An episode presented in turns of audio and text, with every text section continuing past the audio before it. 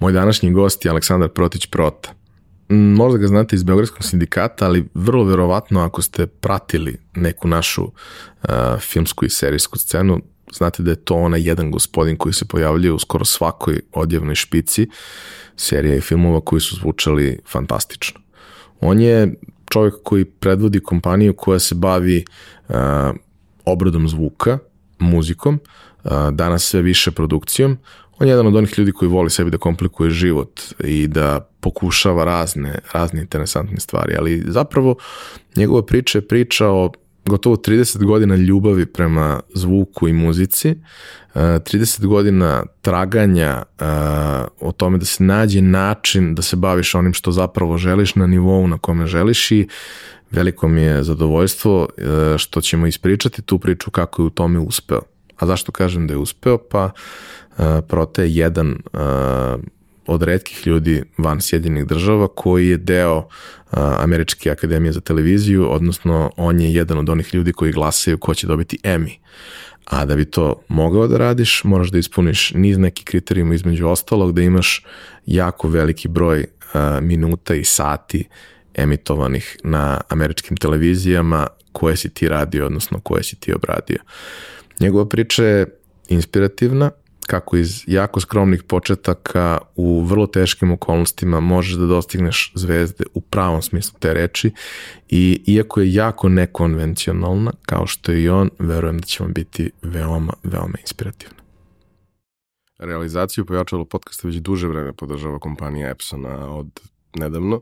Smo za vas pripremili nešto posebno. Naime, nova fiskalizacija podrazumeva da mnogo veći broj nas mora da se bavi ovim pitanjem i mnogo je nedoumica, mnogo je e, nedovoljno detaljno objašnjenih informacija. Mi smo se potrudili da na jednom mestu, na sajtu novekase.rs, objasnimo baš sve što može da vas zanima i damo odgovore na sva pitanja, što se tiče same fiskalizacije, što se tiče toga ko je obveznik, kao i na koji način možete iskoristiti subvencije koje država daje. Takođe, dali smo i neke preporuke uređaja koje možete da koristite, a tu je i webinar gde za nekih 30-40 minuta možete otprilike da dobijete vrlo jasnu sliku o tome šta nova fiskalizacija podrazumeva za sve nas. Takođe, treba reći to da kompanija Epson, osim POS uređaja koji su ovde u centru pažnje, proizvodi štampače u svim mogućim oblicima, veličinama i namenama, kao i već 20 godina najbolje projektore na svetu, a više o tome možete videti na epson.rs. Za slučaj da želite da nas podržite vi individualno, možete da posetite link u opisu podcasta na platformi Buy Me A Coffee i tu možete kupiti mesečnu pretplatu ili jednokratno donirati neki jednost koji želite. Hvala vam unapred na tome.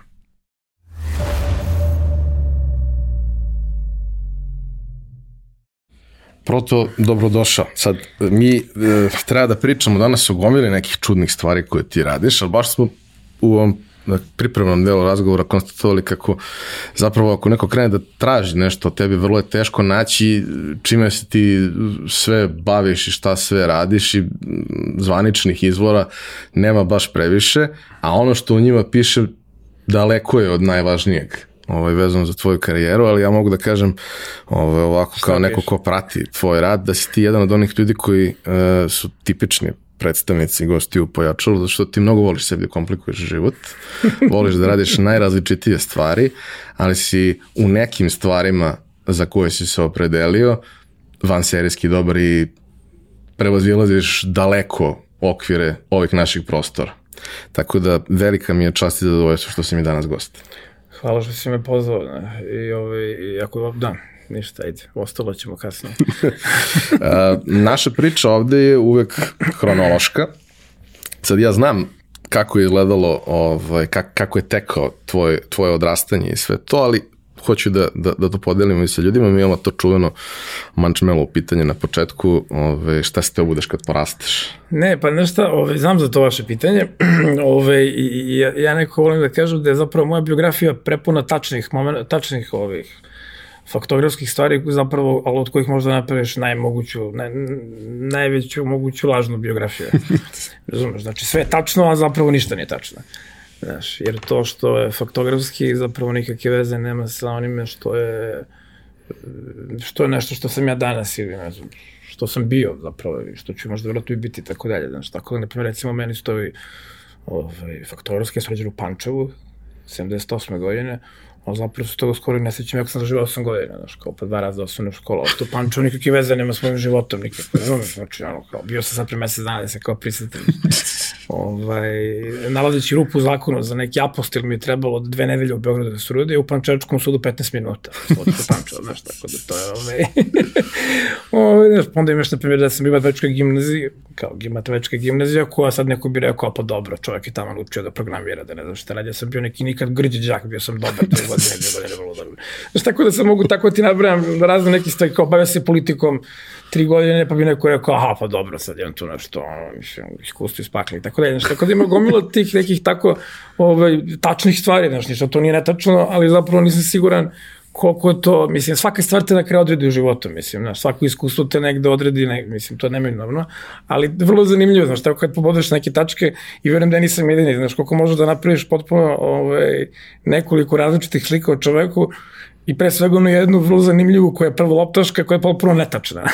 ne, to, to je bukvalno ona, Znaš, onaj dakle, moment. To je jako zanimljivo. Kao da uzmeš i da zabodeš ovaj, da. eksere čijod i onda kako provlačiš Da, provlačiš. konac. Pa da. Kao, I možda ispadne svašta na Možda kraju. je, bukvalno ispadne Ako ima svašta. mnogo tačaka, baš možda Pa ispadne to ti svašta. kažem, mislim da kod mene možda što ima mnogo tačaka, znaš, i onda, zato što ima mnogo tačaka, onda može svašta da se, ove, A imaš mnogo svašta tačaka. da se, svašta da se, ove, da se, da se domašta, ove, i tako, mislim. da- Voliš, voliš sebi da komplikuješ život. Volim, da, naravno, pa to... to Ali od čega je to počelo? Šta su bile prve stvari koje su te zainteresovale kad si bio pojma, klinac? Ja kad sam bio klinac, znaš šta, ovaj, to neko za vrlo zanimljivo odrastanje. Ja sam odrastao u nekoj dosta onako, ovaj, nekoj polu geto atmosferi, znaš, zato što to, ovaj, tata moj pokojnik ura prošle godine, ovaj, bio sveštenik, zapravo to vreme je bio džakon, što se da ne komplikujemo narodu, ko zna šta je to, zna, ko ne zna, ne zna, ali nešto je bilo neko vreme, to, nek, to su neke, ona, sređen 78. godine, tu ti je bilo onako, čak ne znam čim bi, bi to mogao ti poredim danas, mislim, vjerojatno ni sa čim, ali kao, znaš, ono,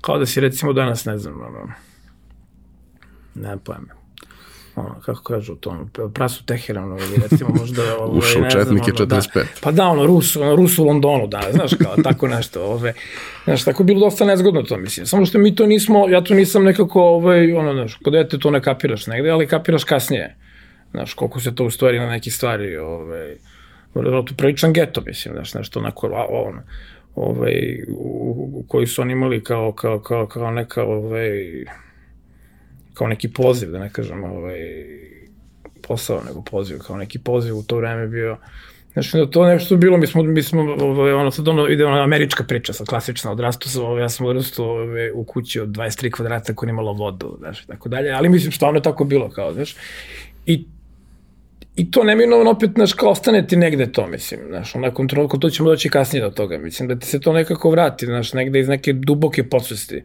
ovaj, u nekim mnogim stvarima koje kao poločiš kao poteze kasnije, znaš, mislim, jer ti to kao tad naravno ne smeta, ali nekako razmišljaš da, kako ti kažem, ono, negde ceniš to što su roditelji radili za tebe i za sebe i tako dalje u nekim ono prilično ovaj, nezgodnim okolnostima i onda negde vratno ti dubini podsvesti ostane da ne želiš ti da to nekome prirediš ovaj, nekom drugome, ni sebi ni drugome, mislim, znaš, takvu neku stvar, ni, ni onim ljudima kojima zapošljavaš i tako dalje, tako dalje, znaš, onda se tu stvori jedna vrlo zanimljiva ovaj, jedna vrlo zanimljiv psihološki profil, znaš, kao, ne toliko, koji ti definiše toliko pokretanje nekih akcija koje radiš, nego možda neki odnos prema ljudima koji zavise od tebe.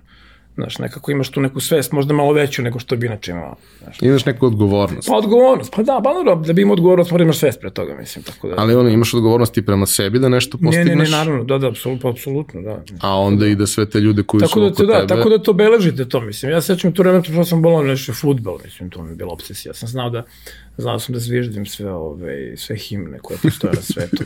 to znam i dan danas, mislim, i tako dalje. Znaš, s tog vremena sam to pratio kao ludak, ono, znaš, rad, su bili tad radio prenosi.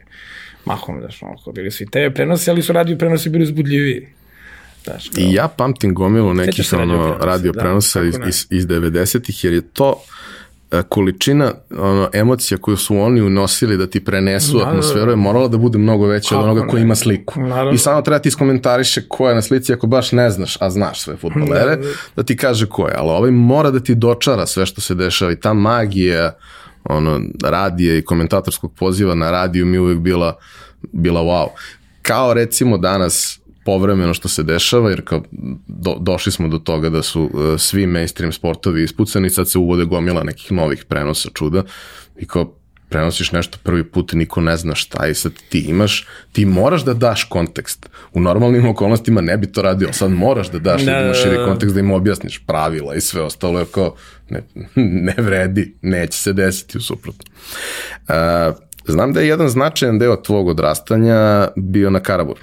Jeste, pa ne, mi smo se doselili ove, ove, kad sam napisao između drugog i trećeg razda osnovne škole na Karaburumu, pa mislim vidi, kako ti kažem, ono, ja mislim da je, ove, znaš, kao sad ide otkopčavanje ovde, znaš, kao, pa sad, kao, prisustuje video, znaš, da je uticalo dosta na podrestanje, ovaj, da, da, ovaj, na, na različite neke načine, znaš. Zanimljivo je to kraj, ja sam je ocelio odatle 2010. godine, ovaj, na Dorčelu, Ove, ali ja i dalje volim da sebe da kažem da sam karaburmac, mislim jer to je to, kao to je negde definisalo ono moje odrastanje, pogotovo što to bilo u periodu de, ono, kraja 80-ih, 90-te i ostalo. Mislim, hteo ne hteo, to te, to te ove, To je bio, to je bio užasno težak period, ali pa posebno je bilo... period svuda, mislim, znaš. Da, ali to... posebno u tim radničkim naseljima gde životni jest, standard jest. nije bio preterano visok nikom. Pa dobro, da, ali mislim sad ono, kogo to zvučalo šablonski možda, znaš, ali nekako tu na kraju kad to sve prođe, mislim, naravno, shvatiš da, da, da si ovaj, stekao da ono streetwise neku veštinu. Ovaj, I ne samo veštinu, nego malo i tako to, neki odnos prema ljudima koji je po meni mnogo bolji nego ovaj, kapitalističko postmodernistički, ovaj, kako bi ga već nazvao, mislim, ovaj, neki grabi grabi samo za sebe, a drugi ko Rimo se čak. Ovaj, ovaj. nego nekako imaš taj neki moment malo i neki osjećaj zajedništva s nekim ljudima možda na nekim čudnim vrednostima u to vreme, ali potpuno svejedno, znaš, nekako naučiš na neki možda malo teži način da to ipak ima smisla, znaš, i da vredi. Ja sam imao u, u osnovnoj školi dosta ljudi koji su uh, dolazili sa Karaburmi, iako je na Karaburmi bilo nekoliko dobrih škola. Da. Ovo je bila, da kažemo, prva najbliža škola kad kreneš ka centru grada i hmm Karaburma ima tu spe, specifičnu uh, situaciju i dan danas je doživljavaju kao periferiju, iako tebi s, par, s Karaburma treba 10 minuta autobusom do Trga pa Republike. Pa ne, ali, ali pazi na šta je fora s Karaburma, pa Karaburma ti tako opet to ovaj, selo geto, znaš, još uvek. Znaš, ja sećam, ja sam prvi put došao u grad kad sam krenuo u srednju školu. Pre toga smo, naš maksimalan domet je taš kao, znaš, kao to daš, dođeš, to, to je kao grad, kao, razumeš, to dođemo na, na, vjerojatno na bazen, vratimo se nazad, tako da mi smo zapravo ceo život provodili tu, kao u kraju, kao, znaš, nije niko išao do grada, kao, zašto bi? Imaš sve, Nama, pa, bioskop. Ma nemaš ništa u suštini, razumeš, ali kao, ali tako to, znaš, nema, nema potrebe. Ali van toga je neki, neki drug, neka druga pravila su vladala koja su kao neka drugačije malo. Znaš, ja sećam kad sam išao na pripremnu nastavu za matematičku gimnaziju, osam odem tamo, vrati, znaš, ništa mi nije bilo jasno. Ja sećam kad sam gimnaziju pisao, meni pukalo ništa nije bilo jasno. Ti ljudi, sve to, što sam bio pod, ja se pamtim to, taj prvi dan u školi, bukvalno kad se vratio kući, ja sam bio u potpunom stresu, ono, kao šta je ovo? Znaš, Pa to što sam kao osnovnoj školi imao to, kao Vukovac, sve petice, kao to sve, kao znaš, to, matematika, fizika, to mi išlo onako, na nivou Bog mi dao, znaš, bez nekog pretarnog truda, Ali ovde je bilo potpuno drugačije, znaš, neki onako ljudi koji tako vode računa o svemu, znaš, koja nema pričaš na času, kao pričat ćemo posle, pa su nešto ozbiljno, pa kao, znaš, ono. A zapravo vamo je bilo sve vrlo neozbiljno.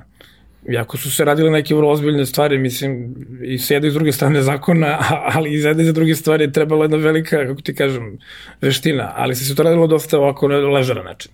Ne znam, a onda sam došao u grad i onda sam bio fuzono, a ubrate, što ljudi glume voliku ozbiljnost, mislim, znaš, kao, baš mi nije prijelo. Mislim, ne primi, ne, da ti kažem, iskreno, ne primi dan danas, u stvari. Znaš, to krene nešto pretarno ozbiljno, to mi je ono pakao pakla. Znaš što, što, što neko to, najčešće iza toga ne stoji nikakav Pa nemam pojma, to, to, ne, to ne znam, znaš, to neću već, to, to već ulazim u domen su, suđenja, da li stoji ili ne stoji, verovatno da da, ali kao me zanima me. Pa ti kažem, samo mi ne prije. Ima ona čuvana neka iz, ono, ove, iz onog, onog kodeksa samuraja, sad ću da parafraziram, kaže, na primjer, ne znam, recimo ovako, kaže, e, sve važne stvari Uh, samo sekund jedan, kaže, prilike ovako ide, sve, da, sve važne stvari radi sa velikom lakoćom, a sve lagane stvari radi sa ono, velikom istrajnošću i kao ne znam nešto, znači obrnuto sve, znaš, kao, znači ono, u smislu kao to, ako treba se izbaci đubre, ali to svaki dan, kao, znaš, mislim, a ako treba da ovaj, uradiš nešto jako važno, moraš lagano, ne možeš da tome pridaješ neku pretredno veliku važnost, nešto da zebaš sigurno. Znaš, mislim, to nema, nema greške, će te on ubići te trema, nervoza, nešto ćeš da odlučiš iz emocije, znaš, nego mora budeš on, samo urijski precizan. Sad, naravno da, da je to neki, spreman. i spreman, naravno, znaš, to je sad neki ideal koji naravno ne može da oceniš svaki put, ali generalno da, to ima veze s ovim što pričamo, mislim, znaš, da, da pizdimo toga. Mislim, to, to kao sad nešto što se glema, nešto, ono, nuklearna fizika je, ma daj čovječe. A šta je bilo, mislim, ono, kao kroz taj neki period i osnovne i srednje škole, šta te zanimalo? Šta te zanimalo mimo škole? Pa šta, pa zanimalo šta... me, zanimala me muzika, je, zanimala me muzika, ovaj, ne onda od onako trivialan način, ali dosta rano, znaš, mislim, sećam, tate, tate dono bio neki kao synthesizer, neki bez neki Fuji ton, neki pakao pakla, verovatno, ovaj, kad sam bio treći raz ostavio škole, sam to sam odmah krenuo nešto da kao sviram, znaš, i bih uzmano, ideš ti kao, kao morat ćemo da tu pišemo na neki časove klavira, ja sam rekao, to kao, ono, mogu malo psujem ovde, mogu. Ove, da, ove, onda sam ja rekao, sećam se tačno što sam rekao, mislim, ako danas je to vrlo politički nekorektno, ja sam rekao, klavire za pedero ću na tenis. Ali na tenis, kao, znaš, kao nisam tražio da idem okay. na ragbi, znaš, kao, nego na tenis. I onda sam ja trenirao tenis, boga mi 10 godina. Sve dok, sve dok, ove, sve dok nije, ove, da, to niko živ ne zna, da sam trenirao tenis, kao, what the fuck, kao, sve dok nije, ovaj, uh, sve dok nije ono počela baš ono totalna kriza sa gorivom i ostalo, pa na Zvezdi gore da sam trenirao nije više zimi, nije bilo grejanja i nije bilo da se naduva balon, mislim. Onda Ali bilo... bitno je da je blizu Karabur. Znaš, pa ne, ne, ovaj, bio je blizu, blizu ove, ove kako se zove, ove, regularna zvezda, regularna zvezda je zapravo na Karaburom, je ono preko puta Bogoslovije i Jovka. Ali ovaj, ova druga zvezda koja je zimski balon, mislim, Brate, BM je daleko bilo, znaš, tadaš na autobus 500 godina, onda na trenutku više nije moglo. Kao ti igraš, ono, zaledi se flaša vode, znaš, kao. I onda smo tako prekinuli posle 10 godina tu moju ovaj, strast prema sportu. Ovaj, ali da, muzika, ne sveća da sam prvi neki bend imao tu s nekim drugarima iz kraja u petom osnovne, brate, pa onda sledeći neki u šestom, sedmom osnovne i tako dalje, međutim onda je tu zapravo, ja mislim, da, da, da je revolucija uno Commodore 64, koji je tu došao negde, mislim, već u šestom razredu osnovne škole, to je nekako, to možda bude godina 87, 8, nemam pojma, ali i, i, i, ja sam imao tu, mislim, imao sam super drugari iz kraja, ove, i, mislim, imao, kao, imao, zato što sve više ne družim s njim, kao, iz nekih nepoznatih meni razloga, živi je zdrav Bog, hvala još uvek, ove, I on je bio neviđeni car da ti to nešto prepravi, nešto nabuđe i tako dalje. I onda smo mi nešto tu uspeli da nam, namunjimo ovaj, iz onog din izlaza ovaj, komodora da to negde ide na, ovaj, na neki kama crown, neki, neki, neki, neki, neki, neki muzički stub. A onda smo imali hak da zapravo na tom muzičkom stubu skinemo glavu za bris, očrfi se glava za brisanje. Razumeš? I onda ti možeš da nasnimavaš nistu kasetu nekoliko prolaza. S tim što je svakom sledećem prolazu ono prvo je tiše pa to moraš da pa to moraš da da ovaj da aproksimaš da imaš tu vrstu ono da imaš da, da anticipaciju anticipaciju da znaš kad ono što prvo snimaš mora da bude glasnije. Znaš, e onda ti imaš taj tip koji zapravo ne briše. Razumeš, svaki sledeći snimak on je stari ostaje. Znaš, I onda imaš tu kombinaciju kao nekog neke rita mašine koja te eventualno ide nekog sekvenciranja koji ide sa Commodore, a pošto je to bio Commodore na kaseta, ne na diskove, onda nisi mogo da uradiš save. Nego to sve vreme stoji upaljeno. Znaš, ti dok, moliš dok, Boga da ne moliš Boga da, ne, normalno, hvala Bogu, dok ti nešto ne usnimeš, pa, ne, neviđeno. I onda sam ja tu tako krenuo da se zanimam za trekere, ja sam shvatio čoveč, ovo je genijalno, mogu pravi muziku sam, ne mora više da zavisim od toga da li će neko dođe na tu probu, neće, je li naučio svoj deo, znaš, ono, kao, cijel faza. Ovo, ovaj, I, i, i, i, i, i, I onda sam nastavio, boga mi, s tim trekerima negde, kad sam pisao matematičku gimnaziju, to je već krenulo potpuno rasulo, tata je moj nešto pravio tad neku kuću, započeo još pre nego što je počeo rat, i onda je skupio, ne znam, posle nekoliko godina pare da napravi prvu ploču. Znaš, da za prvi sprat i onda je pitao mamu, rekao je, da li da, da, li da, da, li da stavimo ploču na kuću ili da kupimo sinu kompjuter, znaš, kao stariji, ima mlađeg brata. I onda su oni tu nešto vagali i, ovaj, i onda su meni kupili kompjuter, neki 386 je, znaš, ono.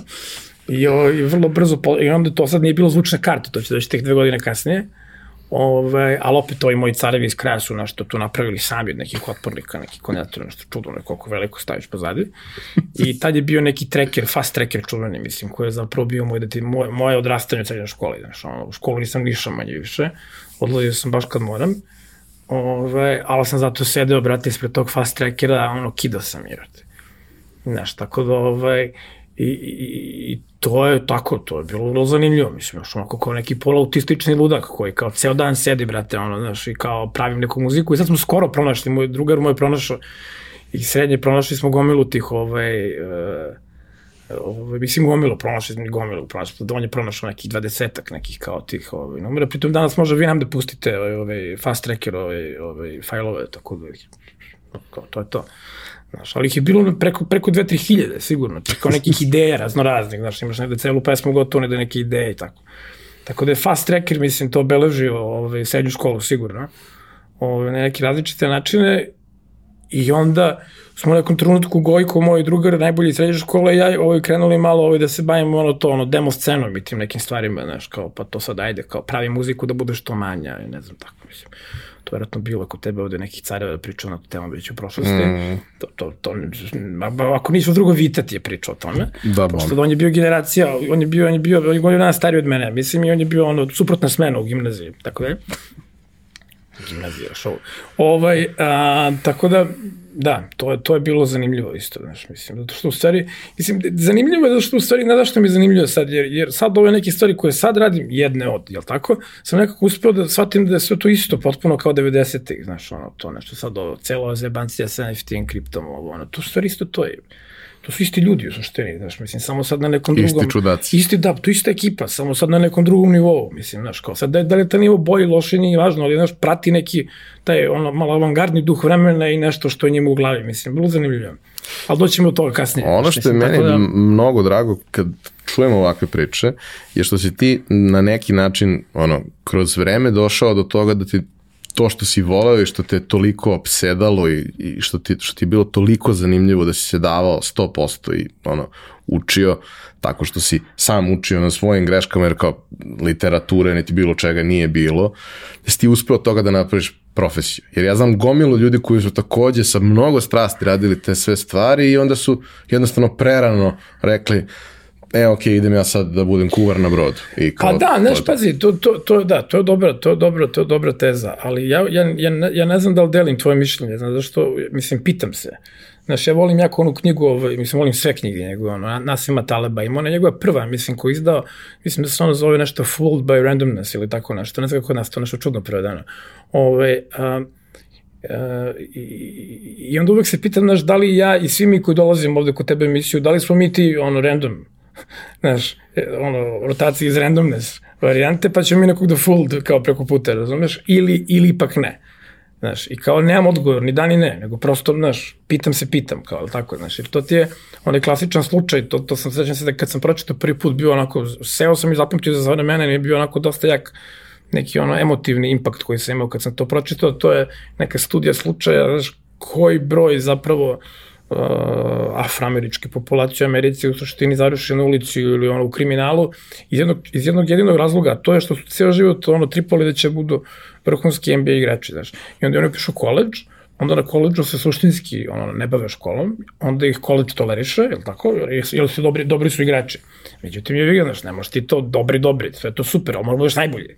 I ako nisi najbolji, ne zaradiš u NBA-u, a nisi u školu baš nešto izučio kako treba, ti na kraju staješ na ulici.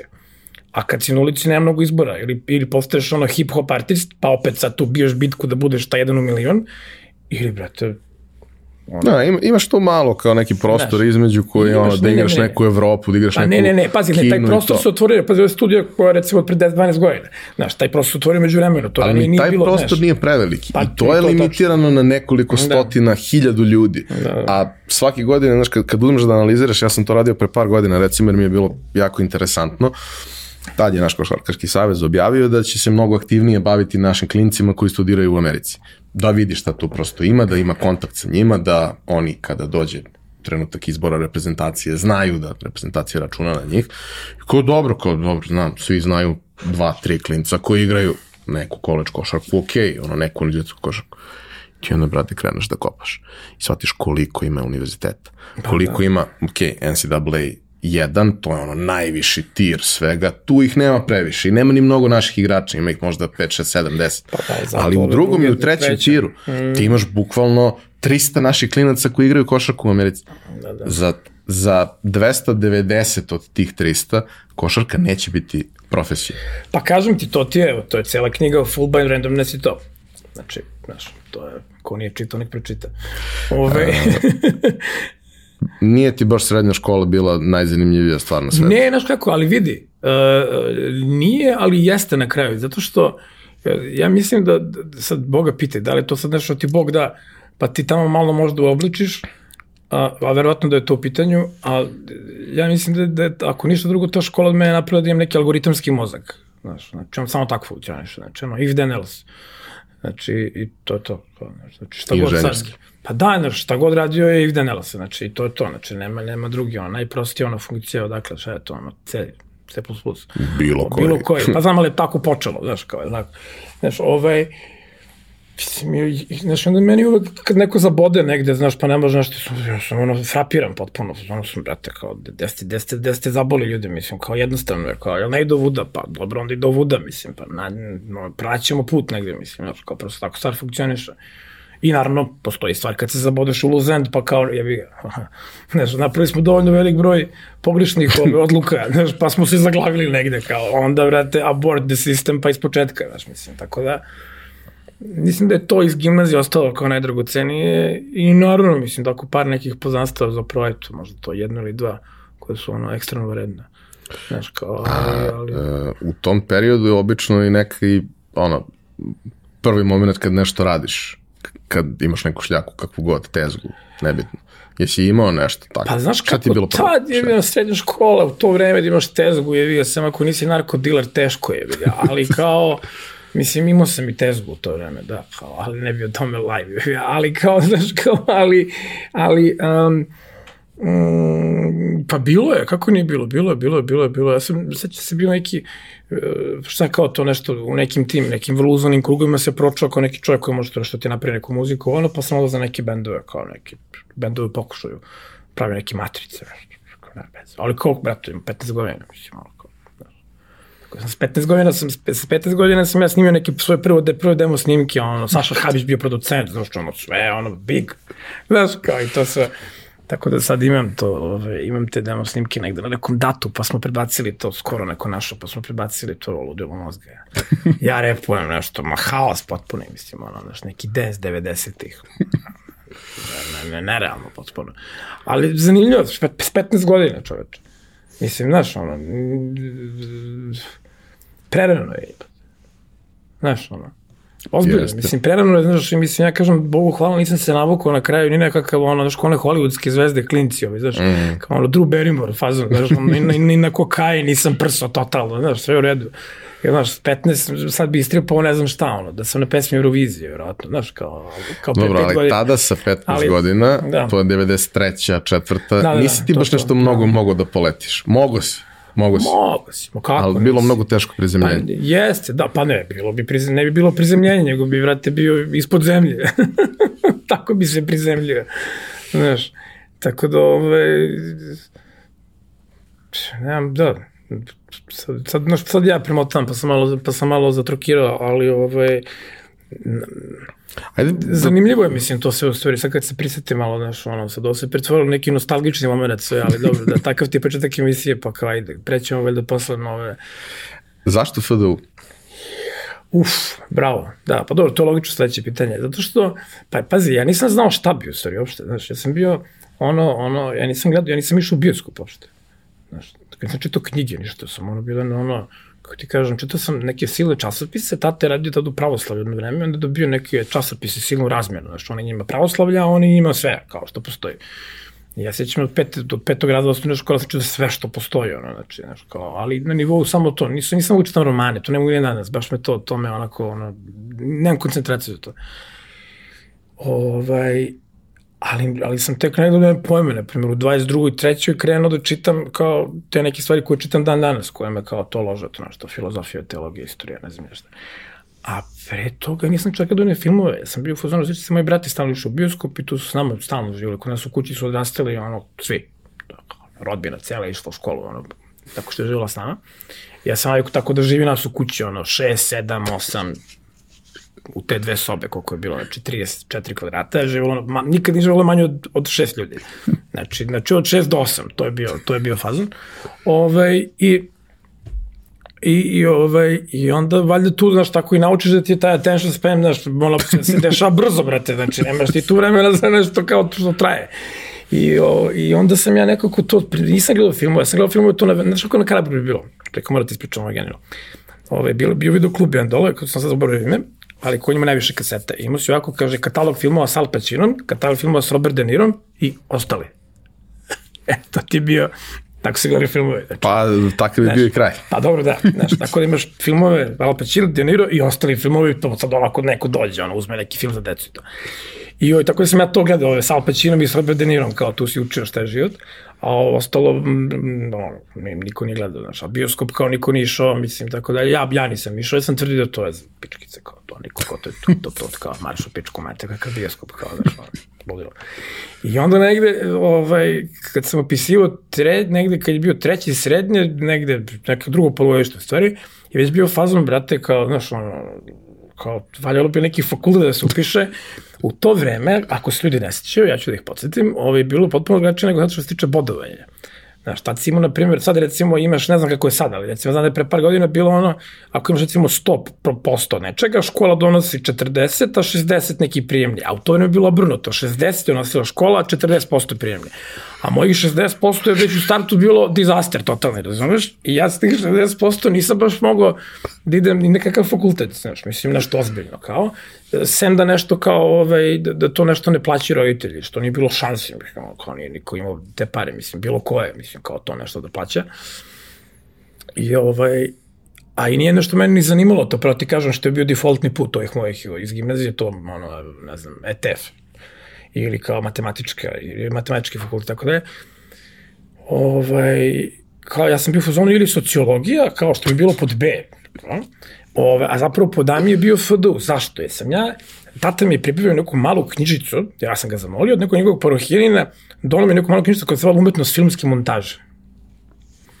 Ja to pročitam čoveče, i to promenimo, a bukvalno me, to je prvi put da to mene usmerava sad malo ono, od street momenta u nešto što je, kako ti kažem sad, street i, geek momenta u stvari koji je išao paralelno, ide još uvek, ovaj, u nešto što je sad malo onako, neću kažem akademizam, ali malo neko što znaš, nešto što je neki normalan tok, mainstream.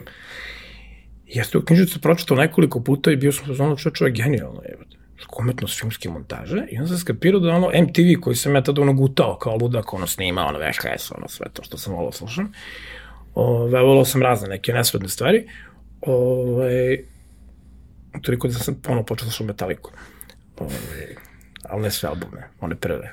Ono što je vredelo. Ono što je vredelo, da, da, da. Znači sad imamo ono na Spotify, ono, ride, ono, ono, kako se zove, Justice for All, ono, i ovaj, kako se zove, Kill Em All i te stvari, to mi je ono, samo se vrti, znaš, ono, katastrofa što kaže moja ovaj, uh, prijateljica jedna kaže, kaže, isti si kao ne, znaš onaj, sećaš se ovaj bre u, ovaj, u Get Short, onaj tip što sve vreme sluša, ovaj, onaj, kaže, isti si on potpuno, znači, gledaš u čartove na berzi kao, znaš, ono, slušaš heavy metal. Ovaj, uh, I uh, pomozi mi da se stavi. Umetnost filmske, filmske montaže. Da, umet, bravo, umetnost filmske montaže. I onda ja, nekako sam to, ja, u mojoj se glavi to nešto prespojilo, znaš, ta, taj neki MTV, nešto to, spotovi, znaš, ja sam se ložio na spotove, filmska montaža, kažem, čoveče, ja ću to, kao. A s druge strane, znaš, dalje mi je ložilo to muzika, ne znam, znaš, međutim, šta je far? U to vreme na FDU nije još bilo smera za dizajn zvuka, nego je bio samo to, montaža. I onda sam ja 97. kad sam završio srednju školu, pritom 97. se nišao u školu. Mislim, to sad niko ne zna, ali kao 96. 7. su bili čuveni veliki, prvi veliki protesti ove, u Beogradu, to studentski protesti, to nešto za Vuka Draškovića, bože me sačuvaj, ove, ali to tako bilo u to vreme i ove, onda je to, ove, kako se zove, cijela, ono, nismo išli u školu uopšte, smo bili gimnazija koja iz Poterazija, i kao mi smo bili sve vreme na protestima, kao, znaš, i tako dalje. Nek razlog da ne bi išli u školu, nego nas je to ložilo kao mi sa nekim društvenim promenama, ne znam, ovo ono. I onda bukvalno pravo ni iz čega, odnosno kao sa 3-4 meseca protesta, kao pap, neki kao prijem ispita i tako dalje. I ovaj, ništa, ja tu padnem na filmsku montaži i ne samo da padnem, nego sam ovaj, uh, slučajno bio ovaj, na fakultetu kad je tatina neka prijateljica koja je tu bila, ne znam, šef katedre glume u tom trenutku, pitala ovu šeficu katedre montaže za mene, ona kaže, imam to neko blizak, ona kaže, pa znate to od mog sveštenika sina, ona kaže, znate, kaže, prenesite njegovom ocu, kaže, da on nije samo promašio smer, nego i ceo fakultet. Kaže, neko on upiše, kaže, neku, neku matematiku. Kaže, nije on za ovo.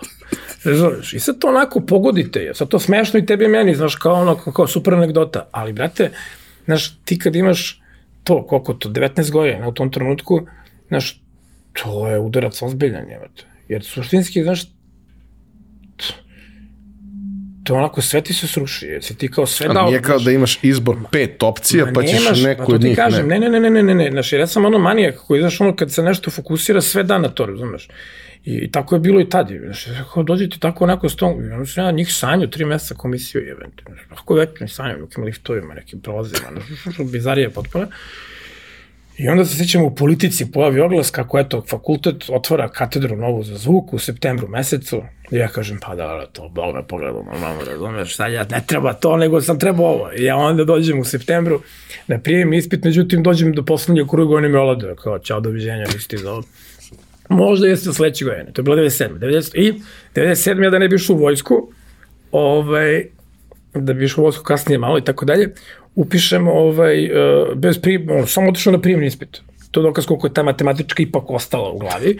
Odem na rudarsko-geološki i imao sam, sećam se, od 20 zadataka 18 tačnih.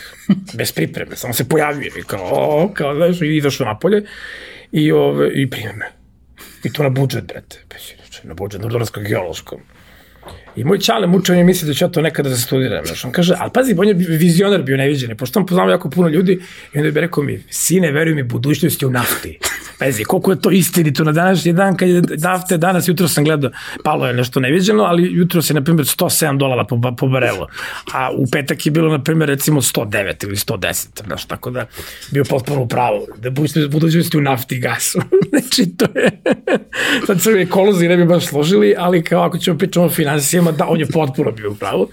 Ovo ja nikad nisam otišao, ni na, ni na jedno predavanje. Ove, ja sam jednom otišao bio neki petak, on me, on me natraje, molim te, kao vidi. Ja odem tamo ponovno neku svesku, ono, i pišu ako veliki slema, kaže, rudarski smer, nema predavanja petkom. Rekao, top. Rekao, to je to, brate, nema. Ne, pobedio sam. Još I, ovaj, pokušam da dođem. Pokušam, brate, ali me nije htelo. I, ovaj, i, i, i, i, I ništa, i onda 98. godine ja se ispišem na Srgološkoj, ti možeš jednu godinu seleraš tako da si kao na budžetu, I onda sam 98. godine ponovo otišao na FUDU da me prime. E sad vidi, naravno sve vreme ja nešto tu sam bauljam i dalje, razumeš, čitam neke knjige, snalazimo se, naručuje se preko interneta, dolaze neke knjige, nešto se čita, razumeš, mislim, ono, haos. Ovaj, I 98. opet me ne prime, opet uđem u poslednje kruge ne prime. E sad, umeđu vremenu da, umeđu vremenu ja 97. godine zaposlim se, tako je, bravo. Do, do, prvo krenem da volontiram na Radio Beogradu, u studiju 13, koju tad snimao ovaj, ovaj, ovaj, ovu bre, orkestar Branimira Đokića, ono, ludilo mozga. Moj prvi susret s narodnjacima. Ne znam, ludilo. Razumeš? I da sam ja shvatio zapravo da su narodnjaci isto što je heavy metal, ali to možemo nekom drugom prilikom da pričamo i bio sam pozvano po je top, po isto, samo drugačije, malo drugačije. Znači, znaš, kao, ali to je bilo slično. I ovaj, I onda posle jednog mesec dana hejta narodnjaka sam to neviđeno zavolao, bio sam ono kakvi su carevi, kao, razumeš? Ali to nije ovo narodnjaci danas, to su i pravi, brate. Dobro, to je bilo ozbiljno. Ne, ne, ozbiljno, da ne, ozbiljno priča, skroz. I ja sam tamo prvo dve godine. Pa dve godine sam prvo u tom stu, zapravo do bombardovanja, 99. Znači kad su nama rekli, e, gospodo, ajte vi kući, vrate, ovo postoje opasno. Zašto? 98. sam ponovo pokušao da pišem faks, opet nisam uspeo. Pa sam otišao na prijemni, u ono jesen, na jesen, rezervni prijemni i upisao opet na budžetu mašinski fakultet.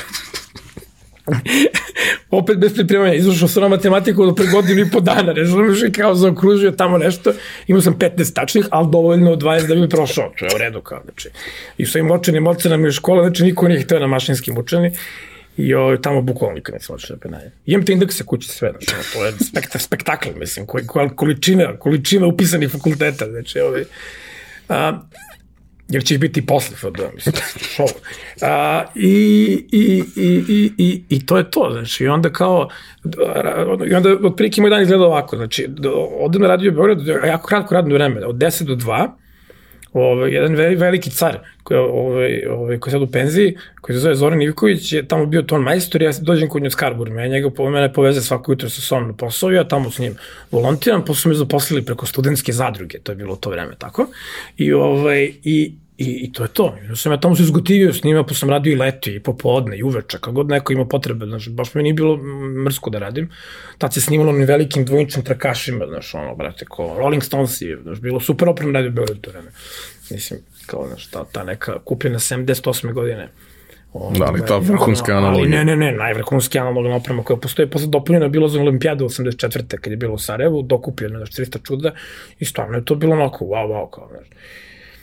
I a i to je, pazi šta je tu zanimljivo stvari, zanimljivo je što je to bio neki prelaz generalno, mislim, globalno, na svim planovima sa analogno na digitalno, mislim, znaš, baš u tom trenutku, znaš, tako da u stvari ja sam tako bio svedok vremena i, i, i, i, i, i saučesnik u tom celom procesu. Ovaj, tako da sad dok, dok smo radili na Radio Beogradu i šnirili trake, ja sam kući imao svoj ovaj 386 ili već ta 486 koji imao već sve tu neku zvučnu kartu, sve to nešto namešteno i radilo je potpuno drugačijem sistemu, ali kao svejedno, tamo ovako, a kući onako, kao isti je princip, kao. Ovaj, I onda 99. godine bombardovanje, mi se svi povučamo na, na rezervne položaje, jednako kući, i meni zvoni, sad će se to fiksniti, još mobilnih telefona. Ovaj, I onda mi zvoni fiksni telefon, kaže, mama moja, kaže, kao neko te traži, kao neki čovek. I Zoran Jerković, profesor s fakulteta, on kaže, je, kao vidi, slušaj, dođi kao, kaže, ovaj, dođi sutra je poslednji dan kao da se prijaviš, ili, ili imaš još dva dana. Kaže, traje, brate, bombardovanje, još uvijek, to su bili poslednji dani bombardovanja. Kaže, mene prelazi most. Kaže, daj, ne zebe, kaže, dođi, pređi most, donese dokumenta, kaže, rad prijavi od prošle godine, kaže, ove godine ćemo sigurno te prijavimo. Ja kažem, brate, četvrti put da dolazim, razumeš, znaš, kao, jeste normalni, kako, koga ćete, znaš, koga ćete vi da primite. I ovaj, I sad da skratimo priču, prime oni mene, mislim, to kunizacijone klasi, jeste primili? Pa jesu, kao, znaš, ono, znaš, prime me, ali ja sam već bio u fazonu koji ste mi kurec primali, kao, znaš, i ovaj, ali dobro. I ništa, i onda krenemo u FDU, ja sam već posle prve godine to da napustim to, razumeš, sam bio u fazonu, ma daj, brate, koje smaranje, evo te, ono, razumeš, znači, jer su mi kao, kao, na kraju prve godine iz glavnog predmeta sam dobio ocenu niže, pa kao, zato što sam mnogo radio, E, citiram, kunem ti se. E, sad zamisli sad kao tu motivaciju, kaže, mnogo si radio, kao, kaže, otimo si posao drugima. Ja pitam, dobro, kako se otima posao drugima, mislim, šta sam došao pištoljem, motkom, čime sam vilama, čime sam oteo, kako sam oteo. Sad, dobro, taki skarabur me da prijete ljudima, mislim, pa sam otimo posao, ne razumem. Ja sam samo radio, brate, mene, nikom ništa nisam otimo. I za te tri godine, sam ja posle treće godine, ono, nešto krenuo da radim, neki film, doćemo do toga posle koji i šta, Ovaj, i, i, i, i za te tri godine ja sam uradio negde, znam sam broj tačno, sad sam zaborio, recimo 41 i 42 studentska filma. Znaš, neki traju 7-8 minuta, neki traju po 40 minuta. Znaš, a, za vre, a fakultet ti propiše da za to vreme treba da dva. I kolege su, ok, bilo je još careva kao, znaš, mislim, koji su radili po desetak, ali su mahom ljudi radili po dva. Kao, tako kaže, to, to, to je norma. Znaš, kao, A sad je 41 ili 42 ili 43, više ne sećam. Jeli, uh, to je to, mislim, mora se radi, brate. Znaš, mora se, i mora se probe. Znaš, to, to sam baš teo da, da, da, da, da probamo da, da. da objasnimo, mm. zato što mislim da većina ljudi zapravo ne razume šta podrazumeva tvoj posao kada radiš film. Zato što ono, pa dobro, sad ako već ti neki, tvoj posao da, uradiš da. kako treba, da. to samo znači onome ko gleda da je experience koji doživljava jako dobro. Yes, da, da, I ako ga ne uradiš kako treba, on će da primeti da, da, da to da nije nešto, dobro. Da nešto nije Ali niko pa zapravo da, ne zna šta više, zapravo podrazumeva Da, više to, sad, mislim, jedan disclaimer, ono, kao, znaš, kao, obratite se lekaru i farmaceutu, ali ove, ovaj, a, više to nisam ja odavno, mislim, znaš, nego je to sad neki tim ljudi, tako dalje, tako dalje, ali, Mislim, ono što je tu dragoceno zapravo što je to od starta bio tim, čak i iz vremena fakulteta, znaš, kao kolega moj koji miksuje sve to kao u suštini je kao i dan danas sve te stvari koje kao ja radim, odnosno mi radimo kao tim, mi smo kolege s klase, mislim, znaš, tako da to od starta krenulo kao neki ono mali tim, ono, dva čoveka, pa se onda on punio s 3, 4, 5, 6, 7, 7, da ima, ne znam, u zavisnosti od perioda godine između 12 i 15. Znaš, mislim, što nije malo. Znaš, mislim, za tu vrstu profesije baš nije malo. Ovaj, ali da, mislim, to sad možemo pričamo dve emisije samo na tu temu, mislim, ne znam kako to idemo zanimljivo, vjerojatno nije, ali kao naš posao je da budemo nevidljivi, aj tako kažemo. Mislim, kao i VFX. Znaš, VFX je tu da bude nevidljiv. Ako, ti, Ako je vidljiv, onda nije ako, dobro. da, to ti kažem, ako je VFX tu da ti vidiš da je to VFX, a ne nešto što ti veruješ da je realno, ali tako, to onda, brate, nije dobro VFX, mislim, znaš, ovo je isto to. Znači, ti moraš sve vreme, znaš, mi imamo samo dijaloga, sve ostalo je izmišljeno napravljeno od nule. Znaš, mislim, to ti je ono, svaki film je kao animirani. Znaš, vidim mi sad neka razlika među animiranog filma i igranog filma, nema nike razlike, brate. Mislim, još je gore ovo igrano, zato što ti taj dijalog snime na setu, pa mora da se no, to čisti, da se, da se, onda se izoluje od svih, ono, od svog džubreta koje je snimljeno okolo. Dok on je igrano to snimiš u studiju, pa je mnogo lakše, znaš, ali u suštini sve ostalo oko toga je isto. Znači, svaki zvuk koji mi doživimo kao realan smo mi dodali, napravili ono, izbalansirali odnosu na sve ostalo i tako dalje. Znači, jedan onako dosta pipav, mukotrpan posao, ono, znači, jako puno se radi, mislim, vremena treba onako i koncentracije i svega i svačega. Posebno samo ako to radiš čovek. na nivou na kojem Da, da, da, radiš samo ludi ljudi mogu se baviti, ja to potpisujem. To ne može neko da bude normalno, mislim da bi to radio. Vidi, dok je naš zajednički prijatelj Bodi snimao svoj prvenac, Da, ovaj, ono što sam shvatio iz razgovora sa njim je da se, svi ljudi koji su uključeni bili u proces, da tu niko nije normalan. Pa dobro, Počevši da. od njega. Ne, normalno, pa dobro, to sad, to je inače tako. Malo se to sad menja, znaš, malo tu sad kad je malo više, kad su, kad su leteli novci, malo ima i tog momenta kao da si nenormalan, malo bi pare, ali to vreme nije bilo ovog drugog elementa, nego je bilo samo nisi normalan. Ja, skupi A se imaš- ekipa ljudi koji Ne, ne, apsolutno, ono, cene nešto i ono, znaš, kao nije bitno da li ćemo mi nešto da zaradimo od svega toga, bitno Pa, je da mi to napravimo. Ne, kažem ti, toga je sve manje i manje, to potpisujem, ali ima ga još uvek. Ja mi sad snima nešto na tu temu pričati posle, ove, koje je malo po tom jednom principu starinskom koji jako volim. Ali ove, da, to je, to je manje više naš posao. Pa sam mi sad, znaš, da ti završim liniju s tim poslom, zato što da ne bi previše ostali na tom, znaš, mi smo ono ra- rasli, ja sam krenuo, mene, Mi, Miće Zajic, mi profesor sa fakulteta zvao, kad sam bio, kad sam pisao četvrtu godinu fakulteta i rekao, je, kao bi ti da radiš kao ovaj, jedan velik film, kao, kao ja bi montirao kao sliku i bio bi supervizor za zvuk, kao ti bi suštinski radio zvuk. Ja kažem, dobro, ko sa mnom? Pa ti kao, aha, dobro, šta, šta? Pa kažeš kustoricom film. Ujo. Ok. Znaš kao, da, sad kao za student, mislim, pa ne za student, sad, sad da mi neko kaže, mislim, znaš kao, to je ono. I ništa, tako mi krećemo, kao, znaš, ono, montira nešto godinu dana u Beogradu, možda malo manje, onda tri meseca u Parizu, miksu i to tamo. U suštini, mislim, sve što sam ja naučio, što se tog dela posle tiče, sam učio od njih, mislim, od Miće i od tih Francuza i od Emire i od tako tog društva, to je jako zanimljivo bilo. Mislim, to je kao, fakultet 5%, a to je bilo 95%. Znaš, mislim, jer su oni stvarno vele majstore, mislim, do toga najbolje. Ono, čak mi su sve kažu da to bolje od Hollywooda. Ali taj francuski zvuk je ono po mene nešto najbolje što postoji još uvek i suštinski sam ja eto tako tim nekim ovaj, zahvaljujući Mići, a i vjerojatno malo, ovaj, malo mom trudu i, i nekom talentu koju ti Bog da završio tu da sam završio i onda su tu zapravo kreće da se džuf, znaš, ono, malo eksponencijalni rast svega toga. Ove, I onda neka radiodrama koju sam napravio na drugoj godini fakulteta dobila neku nagradu, ove, najveću, na, na, najveću na svijet ove, za radiodramu. Ove, to je kao neki, ono, Pritalija se zove ta nagrada, što je zapravo neka vrsta Oscara radio svetu, to iste godine se desi. I je bi ga. Čulo se. toga, Ništa da onda kao šuf, kao ti negde nastaviš, znaš, kao dalje. Ali sam ostao ovde, znaš, tad je bila ideja zapravo Gojko, Gojko Adžić, moj super drugar, on je, ovaj, on je tad, ovaj, moj njegov plan je bio da idemo u London, on otišao među vremenu za državljanstvo za tri godine, vrlo brzo, ali to bio neki program eksperimentalni britanske vlade, da to nešto uvozi talente i tako dalje. Mm. I onda sam ja trebao da odem zajedno s njim, na kraju nikad nisam otišao, spalio sam ga. Ovaj, I ostao sam ovde. Sad. Nekad mi je žao, nekad mi nije žao i tako, kako koji dan ustanem. A, a u kom trenutku se, mislim, znam u kom trenutku se pojavljuje, ali na koji način se pojavljuje sindikat?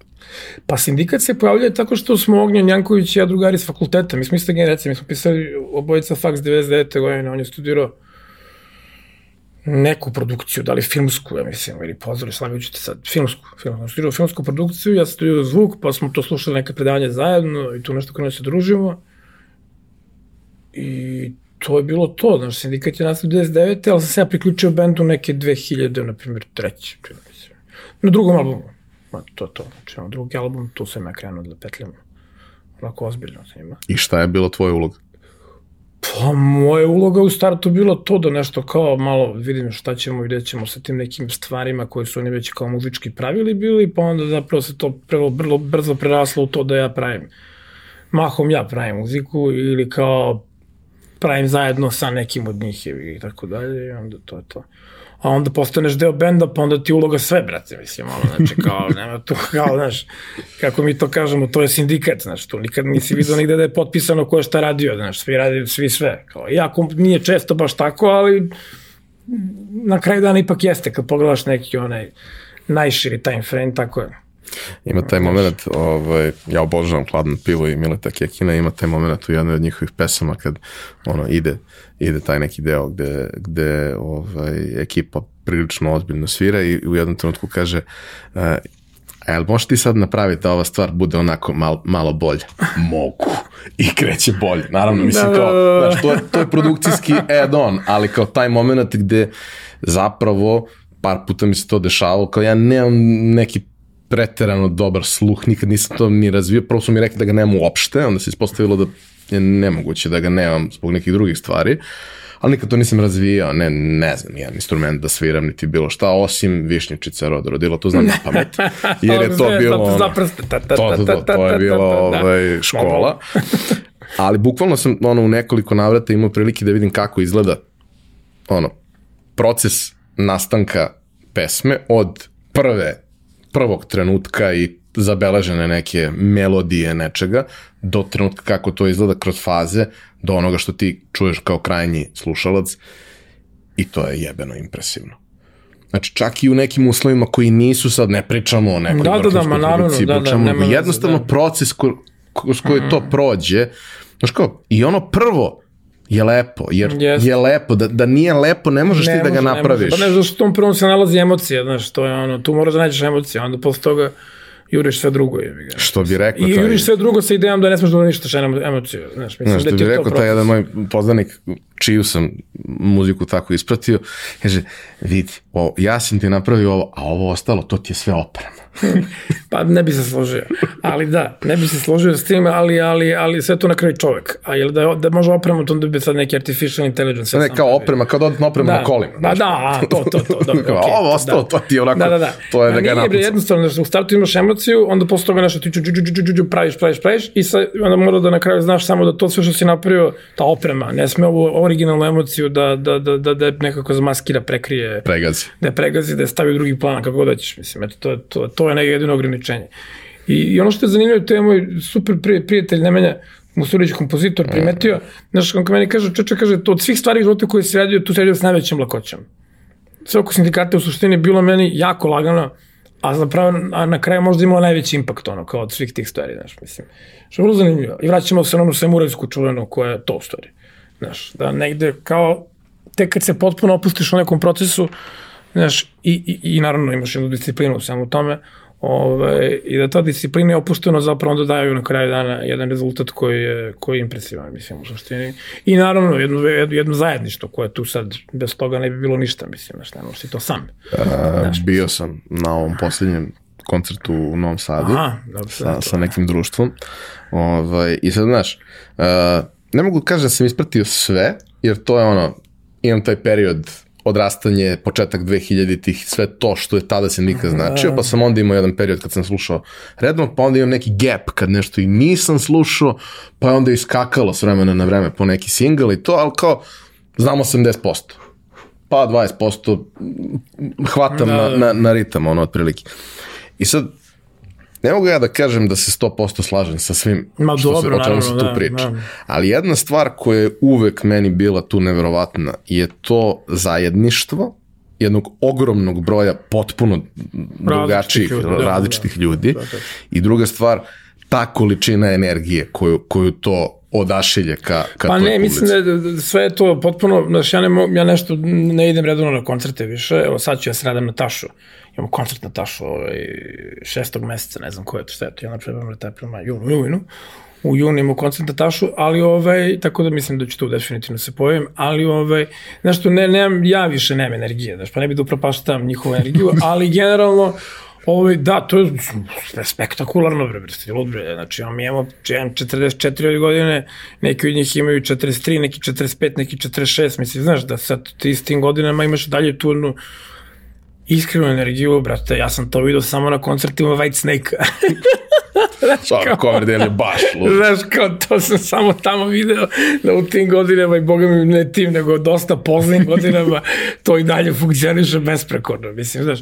Tako da, ovaj, to je genijalno, čuti, to je sve odlično, to je baš onako, onako, jedan, jedan divan moment u životu koji nije samo da je bio, nego još uvek, mislim, sad naravno ima neke svoje razne faze, ovakve, onakve i tako dalje, ali, znaš, to je, mislim, zadivljujući da jedna grupa ljudi uspela da opstane, pa tamo da ne radi ništa, toliki broj godina, ne znaš, a kamo da nešto radi i da to čak ima i da, mislim, ne čak, nego da dopire do nekih ljudi na neki, ja se nadam, pozitivan način, a da, znaš, da ta ekipa ostaje tu, tako kakva jeste. Mm, mi smo da. to, to neko društvo koje je išlo, mi smo ovaj, to objašnjavali rečima, idemo da slušamo društveno angažovanu poeziju. Pa dobro, da, pa eto, jeste. Sa yes. jednom dosta dobro dozom Pa da, znaš, sad imaš to, znaš, pošto to onako dosta široko i dosta onako beskompromisno, znaš, pa kad je neka stvar beskompromisna, u najvećem broju slučajeva, znaš, onda naravno da ne može ti se do kraja, ovaj, da ti se baš sva, sve svidi svaki put i tako dalje, znaš, ali nije to ni ideja, mislim, znaš, nego je negde, ne samo vezano za nas, nego vezano za sve. Znaš, ako čovjek ima kritičko mišljenje, uvijek će negde reći, dobro, slažem se s svojime do nekog dela, su ovde nešto, znaš, nikad, nije uvijek najteže, znaš, ima oni testovi koji se uvijek pojave pred, politi, pred, pred neke izbore, kao nađite sebe na političkoj mapi, to ti on amerikanci ono vole, znaš, ovim, ovim našim MVO-ovima, neki testovi, onda oni to ono zaspu internet i to oni da popunjaju svaki put. I onda uvijek nađem neku stranku, mahom istu neku, ili iste neke dve se šaraju, gde sam najbliži političkim pogledima, ali se poklapam pre 41%.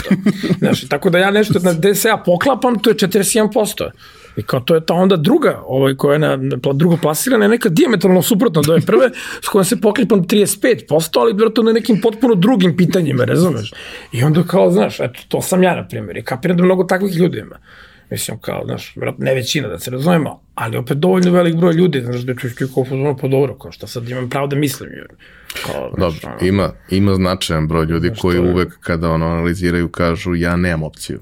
Sad. Dobro, da, ne, mislim, pusti to, to je neka, to je sad neka tužna tema i tako dalje, ali generalno nije čak vezano to da li imaš opciju ili ne, nego zapravo je pitanje da li si ono, znaš, kao što bi rekli amerikanci, out of the box ili nisi, znaš, a ti čim si out of the box ti već ne možeš da se nađeš, jer ovo, se, ovo su sve ono prepacked products Što bi rekao ja moj prijatelj, oni, znaš, to je... kad jednom otvoriš kutiju, treba ti veća kutija sledeći put.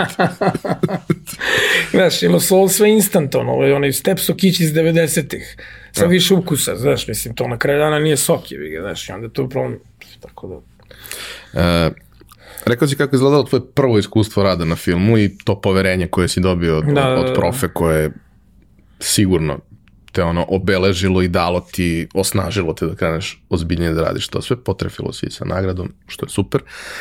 Ali onda kad pogleda neko tvoj IMDB o kome ti ne vodiš baš pretarano mnogo računa i nema tamo baš sve što si radio, ali i ovo što ima, da, da. i ovo što ima je, mislim, ogroman broj da. svega i u jednom periodu se sećam kad sam pričao sa, sa, sa baš sa Bodijem, kad je krenuo u celu priču, ono, I ima dobra ideja, dobar koncept, zaokružili su oni to, ko će da se postara, to izgleda kako treba, Roga i njegova ekipa će se postarati da to izgleda kako treba, pošto mislim kao, brat, svemir. Znaš, ok da snimaš uh, melodramu u blokovima, u redu, ono kao, ali svemir. A kako će se postara da to zvuči sve kako treba i on mi kaže šta je, šta je dogovor i, i ti hm, dobro, ja znam da on to radi, ali kao ne, ne znam sad neki detalje. I on koji mi kaže, brate, sve što, manje više, sve što zvuče kako treba je prošlo kroz njegove ruke, odnosno kroz njegov studio. I onda krenem da kopam i skapiram da je to tako i za kratke stvari, reklame i sve, sve ostalo, sve, sve, sve, ali da ste vi bukvalno ono, mašina sve, i da tu naravno ima stvari koje te lože i koje radiš i zato što te lože, pa dobro, ima i stvari koje radiš samo zato što si profesionalac i pa treba ne, znaš šta, da ti kažem, da skratimo tu priču koliko god je više moguće, znaš, ja sam negde 2010. smo se mi selili ili 11. nije ni važno iz jednog u drugi studio i meni tada je bilo malo muka svega toga, ja sam bio u fazonu, brate, udarili smo plafon, ono što se tiče, ono, kod nas, mora bušimo dalje, znaš, moramo da idemo dalje. Međutim, da li tad nisi imao dovoljno energije, dovoljno pameti, dovoljno mudrosti, dovoljno ne znam čega već, muda ja sam sigurno, je ga, ove, ali ovo, ovo prvo možda nisam. I mi smo nekako ostali dalje da, radimo ove, ove, ove lokalne stvari, regionalne, šta god, evropske, nije bitno, znaš ima tu lepih iskustva, mislim, znaš, tipa to, miksovati neki ono film u, u dvorcu Lik Bessona u Normandiji, mislim, to onako dosta zanimljivo iskustvo, mislim, kao i ovo sa Kusturicom, koja je genijalno potpuno i tako dalje. Ali sve to na kraju nije bilo to što sam ja hteo, ja sam hteo da mi radimo američke sve, jer je znaš, to je ipak industrija, mislim, u smislu kao to to je, znaš, znaš to, to, ne, to je NBA. Napraviš, pa to je NBA, pa da. Tako da smo, evo, uspeli, Bogu hvala, pre nekih, na primjer, četiri godine, smo ušli u taj neki voz, I evo, još uvek smo u tom vozu i ovaj, taj voz ide. I ti si sad ovaj, član. Mi smo u tom vozu i to ide, ovo, sad krećemo da radimo dve neke serije nove, to je jednu drugu sezonu, jedne stare koji ide na MDB-u, jednu novu koja počinje se snima za dve nedelje, jedan sci-fi koji se snima u Beogradu i tako dalje. I da, umeđu vremenu sam ja postao, pošto sam ispunio neku ono, ovaj, kvotu, koja uopšte nije mala, ovaj, broja sati emitovanih na američkim broadcasterima, tako, i ili streamerima, Tako da sam ja no voting member of, ovaj, baš nacionalni član, znači nisam internacionalni, nacionalni član, mogu, mislim, ne da mogu, nego glasam svake godine. Za Emmy, ja? Da, da, da, sad, sad, sad sam se prijavio da glasam i za neki LA Emmy, da, koji je nešto mnogo manji, žanrovski orientisan, šta god. Mislim, ono, cimaju na stalno, da se prijavljamo ako dobrovoljci za sve i svašta.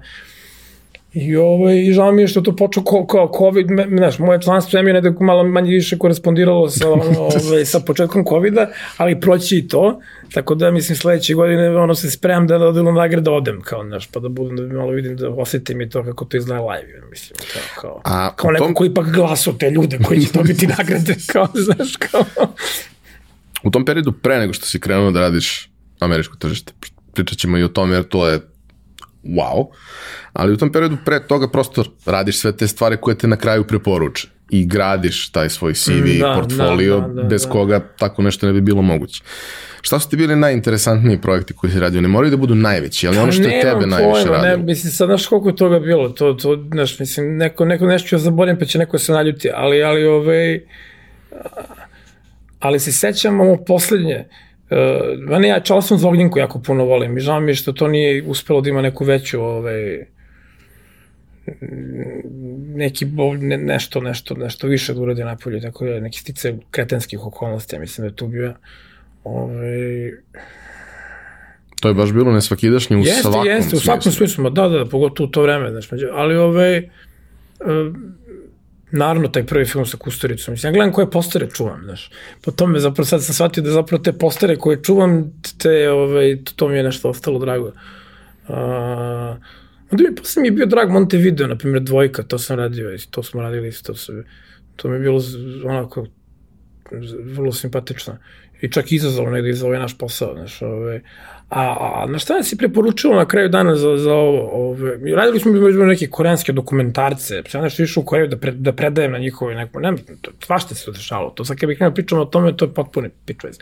Ali, ono što ja mislim da je negde preporučilo mene, mi smo radili, u tom trenutku smo završali, imali smo 17 dana da uradimo Kralja Petra, ovaj film. Dobro. Koji je izuzetno komplikovan, pošto ima gomiletinu onih ratnih scena i ne znam nija šta i one scene provlačenja preko Albanije i tako dalje. U tom trenutku su ovi hollywoodski producenti bili u Beogradu i oni kao što to radite, poruku radimo neki film, neki ratni, neko prvicijski rat. Aha, kao, možemo bio malo, preko da.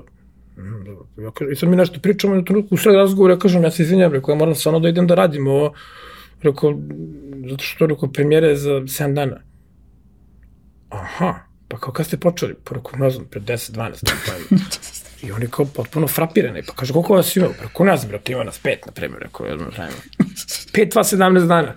18 dana. Pa kaže, nema više vremena, šta radimo? Poželite nam, šta ste radili. Znači, njih zanimalo da čuje kako se radi dijalog, kako se radi efekti, kako ono, i onda to su ovi ljudi, pa poboga, šta je ovo, vanzemaljci.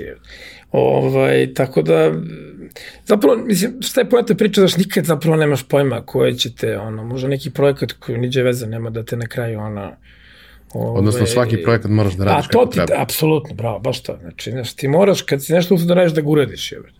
Znaš, te volim da, ja volim, to volim, volim da potencira to u poslednje vreme, ako malo, malo, malo, malo terajući inac razno raznim ljudima, više nego što zaista to mislim, ali, ali negde i mislim, znaš. To u suštini profesionalizam nije da ti daš svaki put 100%, ali to nemoguće, zgorećeš, znaš.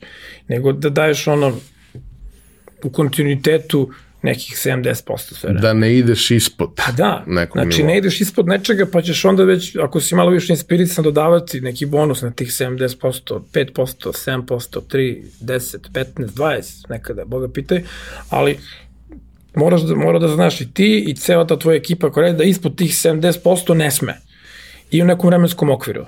I to onda vas definiše kao ove ljude koji se bavite time profesionalno i koji imate sistem. Znači sve što nije to, jer pazi, znaš ono, amaterizam je divna stvar, ljudi mahom meša amaterizam i diletantizam, to nije isto, amaterizam je iz ljubavi, tako? Znači, i nešto iz ljubavi, ali nisi, znaš, nisi u sistemu. Ja, ja, amater možda napravi bolju stvar od profesionalca, ali samo jednom. Odnosno, sledeći- amater ne može da, ono, da deliveruje on demand. Pa ne može, nego on napravi jednom je se bavio time ko zna koliko, ono, ra- radio nešto pet godina umesto godinu dana ili radio nešto godinu dana umesto mesec dana. I uradio je to. I može on i sledeći put, ali za 10 godina od tada. Znaš, mislim, ne može, ne može sledećeg meseca. znaš, ne može ono svaki dan i, i sled, ne može da, da to radi kao neku vrstu, ono, znaš, profesije, da kaže, do, dođu kod I njega i industrije. kao, pa da. A ako skapira da može, onda mu to postane profesija, pa više Pa amater. dobro, da, i onda više, da, pa bukvalno, i to je tačno. Znaš, mislim, tako da, nema, ne, ne, ne, ništa protiv amatera, čak, mislim, ono, naprotiv, ono, baš ih volim, ali kao, znaš, to su dve potpuno odvojene, znaš, kao u sportu, znaš, potpuno dve odvojene kategorije.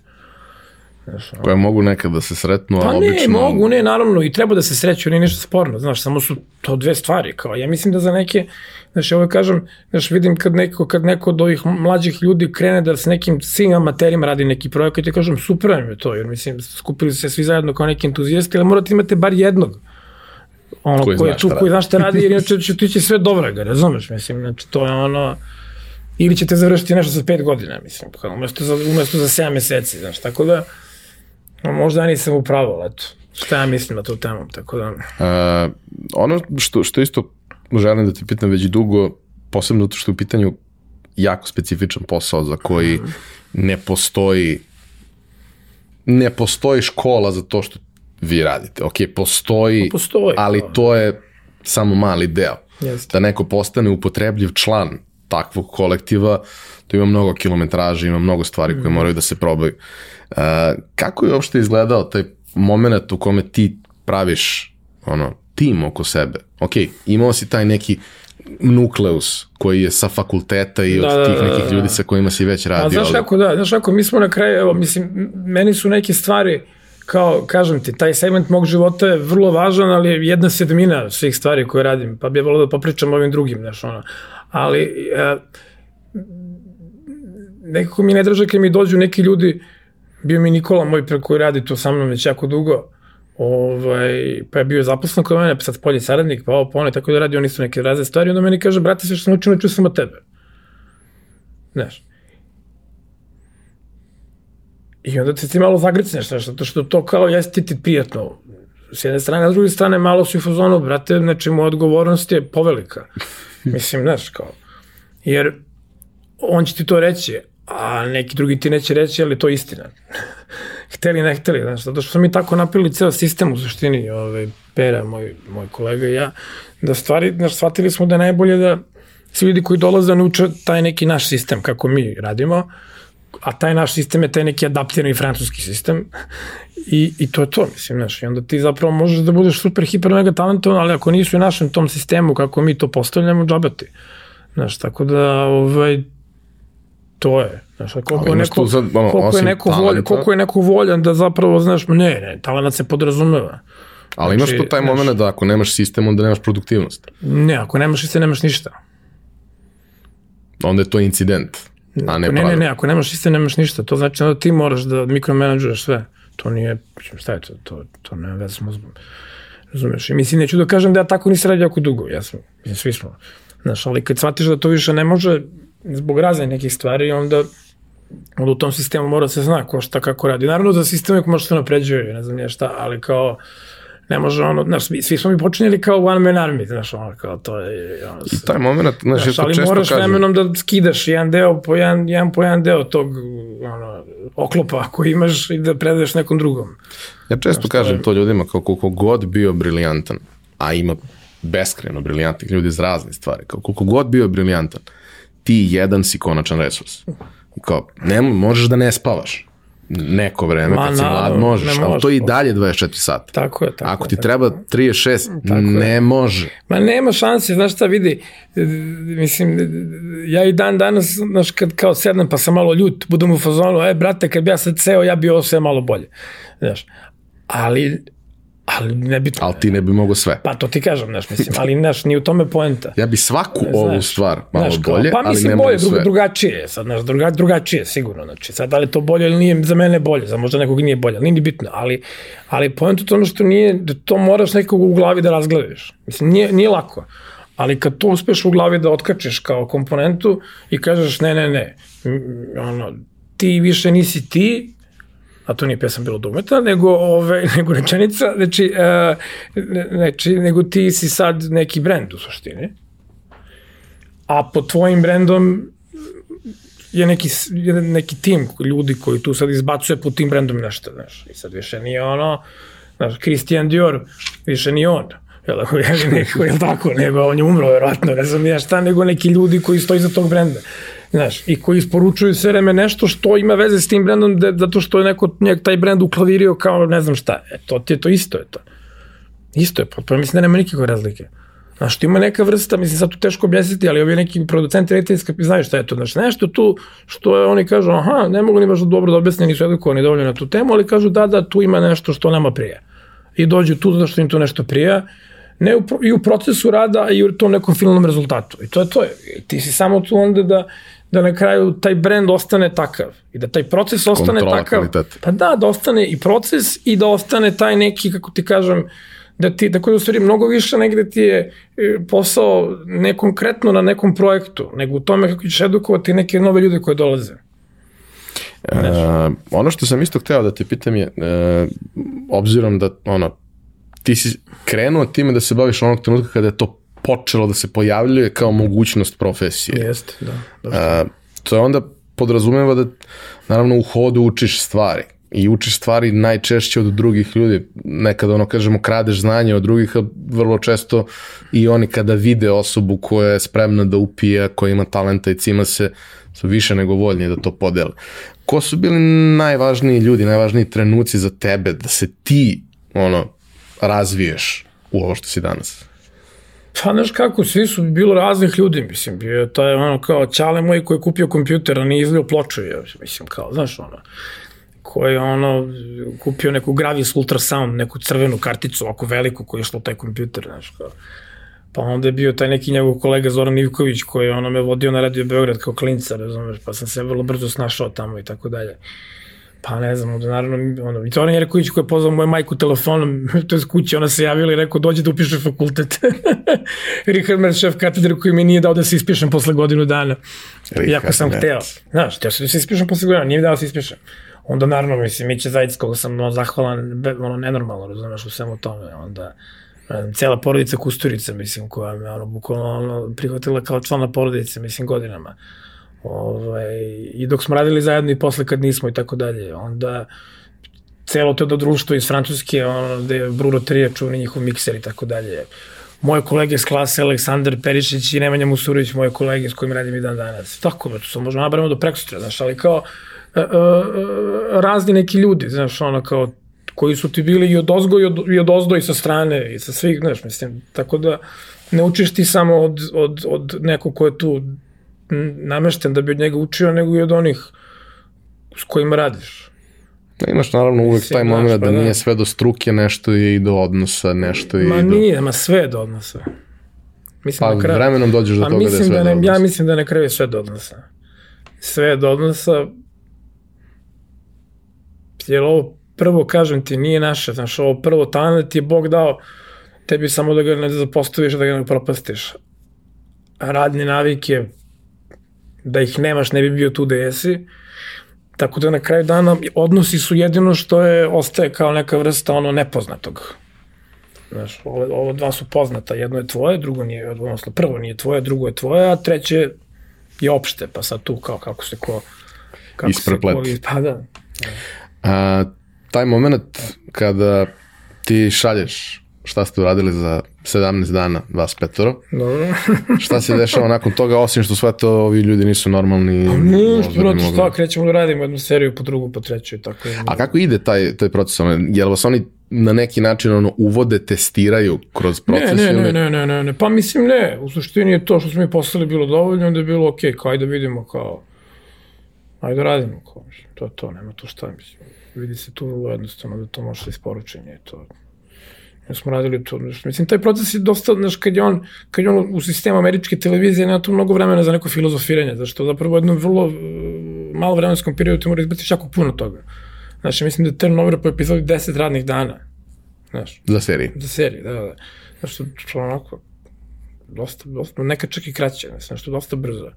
Znaš, a pogotovo što oni vole, pogotovo televizije njihove, ono, pričamo o broadcasterima, znaš, ono, oni vole da imaju po 16 epizoda u sezoni, 13, znaš, to nije kao ovde, ono, kao 7, 8, 9, Evropa, ono, BBC 6 komada, ma ne bre, nego, ono, okej, bato, razumeš, znači, znaš, i to onda, to stvarno treba da si lud, je, da to možda izbacuješ, ono, pa to ono što pričali malo pre, znaš, to je najvažnije, da to sve bude dobro i da izlazi u tom nekom rasporedu iz Excel tabele kako tamo piše. je. Sa naravno nekim slipom dan, dva gore dole, ali kao, znaš, to je, to je to.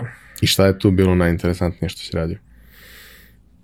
Pa ne znam, nemam pojma, mislim, Meni, meni, trebalo je skupiti te ove meni sate jedno, letenja. Meni jedno, neki ima nešto drugo, ne znam, meni, ja volim te neki ono, koje su na ivici treša, je.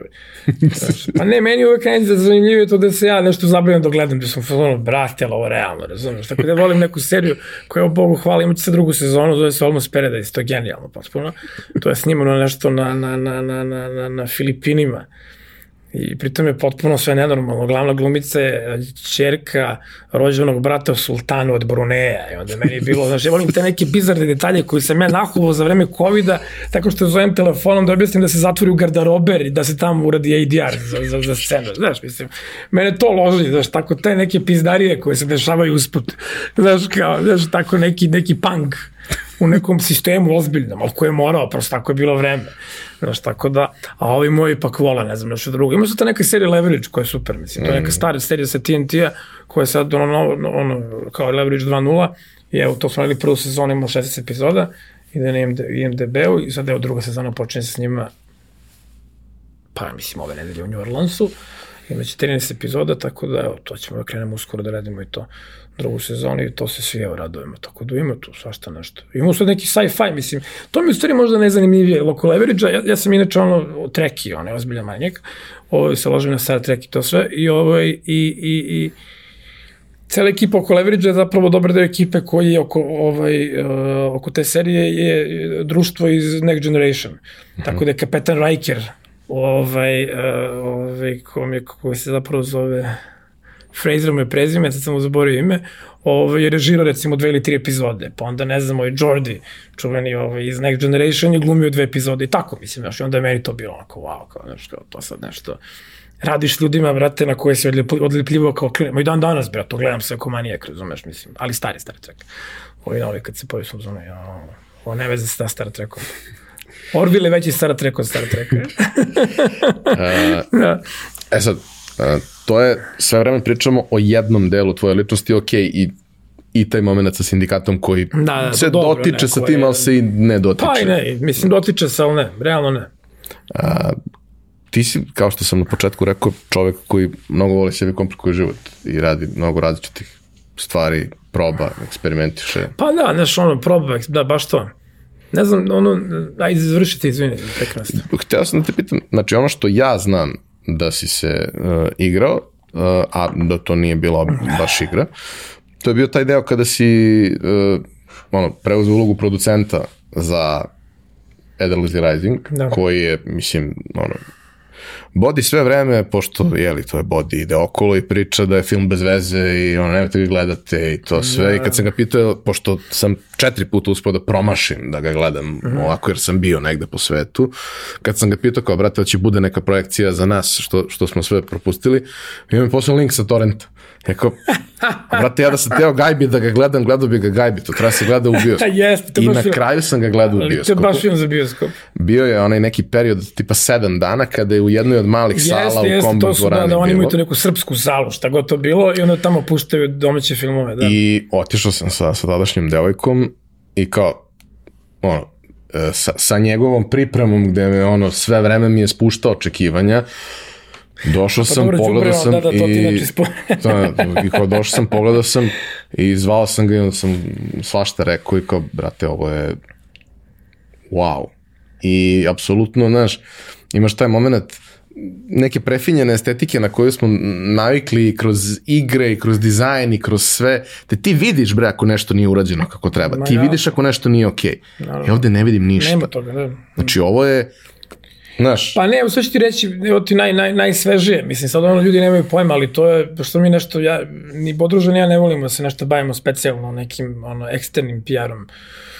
I da sad, pogotovo u Srbiji, da se to nešto sad, ono, naš, za svaku stvar koju uradimo, da, da ono, u, u gloriji popunjavamo, ono, ono, abecedu, abecedu je, znaš, ali kao, ovaj, uh, evo, krenuo nam, je, krenuo nam je na Netflixu u Kanadi od, od 1. marta, pre toga je to bio Lionsgate u Americi, distribuirao ne znam gde, pa onda smo Amazon Prime imali u Francuskoj e, u, u, odmah, i to kao ekskluziv je išlo, ta, išlo tamo. Sad je na Amazon Prime u Britaniji i u, u Francuskoj naravno ostao, u Britaniji i u Italiji. U Brazilu je bio bioskop, ima u Japanu je bio bioskop, ima i bio još nekih preko 21 ili dve teritorije. Plus gomila festivala. Ba dobro, da, to sad. To, ja ne, rekao, ne računam, a je opet ima nekih silnih nagrada, ne znam nešto. Tako da, vidi da ti kažem, za, jednu takav, za jedan takav film i to sve to ludilo mozga, mislim, znaš, tako da sam ja prezadovoljan u stvari na kraju dana. A kako je to izgledalo? A, joj, nemoj to, molim te, to je bio stres iz pakla, je, ali, ali može i gore, ali može i gore, sad sam u većem stresu, ono ti kažem, tako da, um, Uh, ali znaš šta je zanimljivo? Zanimljivo, recimo ja sad na primjer pregovaram, pošto imamo dosta tih nekih projekta, što ja nastavio da se bavim produkcijom u suštini, i, i, i, i imamo jako, jako puno projekata u razvoju, znaš. I ljudi, ono, znaš, producent može biti svašta, znaš, kao, ali sam se, ja sam se odlučio da budem ona vrsta producenta koji u startu ima neku ideju da hoće neki kontent da razvija iz kuće. Znaš, kao, da li to sad moja ideja ili ideja nekog mog iz, iz firme ili nekog ko nam je blizak ili ne znam ja šta, pa onda, ili naručimo nekog nešto, a ne da nam neko donosi, ono, kao je vidi imamo ovo, imamo ono. Mislim, nismo, otvoreni smo mi za to, ali neko još volimo prvo. Tako da, I sad sam, evo, imam zoomove neki silni, imao sam zoom sa, sa, sa Sonyjem prošle nedelje, sa nekim, nemam pojma, neki Stampede Ventures, to neka relativno nova firma, Alcon, koja je poprilično, oni su radili ono, na to, ono, ono nešto na Amazonu, kako se to je za Expense, tako nešto. Ove, i neki sci-fi, mislim, ne neki, nego vrlo ozbiljna sci-fi i imamo, sad, ja mislim, 6. aprila zakazan sa, sa Apple-om sastanak za neku novu seriju koji su sci-fi i znaš, i oni sad su svi oni tražili da nešto vide, znaš, ja njima kad dam budžet za koje to par nešto, ono, daj, ko nam zebati, kao to, ne može s njim zamanjati 3 miliona epizoda, kažem, brate, možda 600.000, 700, kao, oni kao, Ne kažem, ok, mogu vam pošaljem što smo radili ovde, mislim, ok, nije to sad neki reper do kraja, ali ba, da čisto steknete neki uvid pored pilot skripta, uh, deka i tako dalje. I, ovaj, i da sad smo imali jedan feedback koji je bio vrlo zanimljiv, da su ljudi dalje u fazonu da ne mogu da veruju i kao mogu da vide još nešto, jer ovo kao delo je kao čekaj bre, kao vi ste normalni, kao znaš.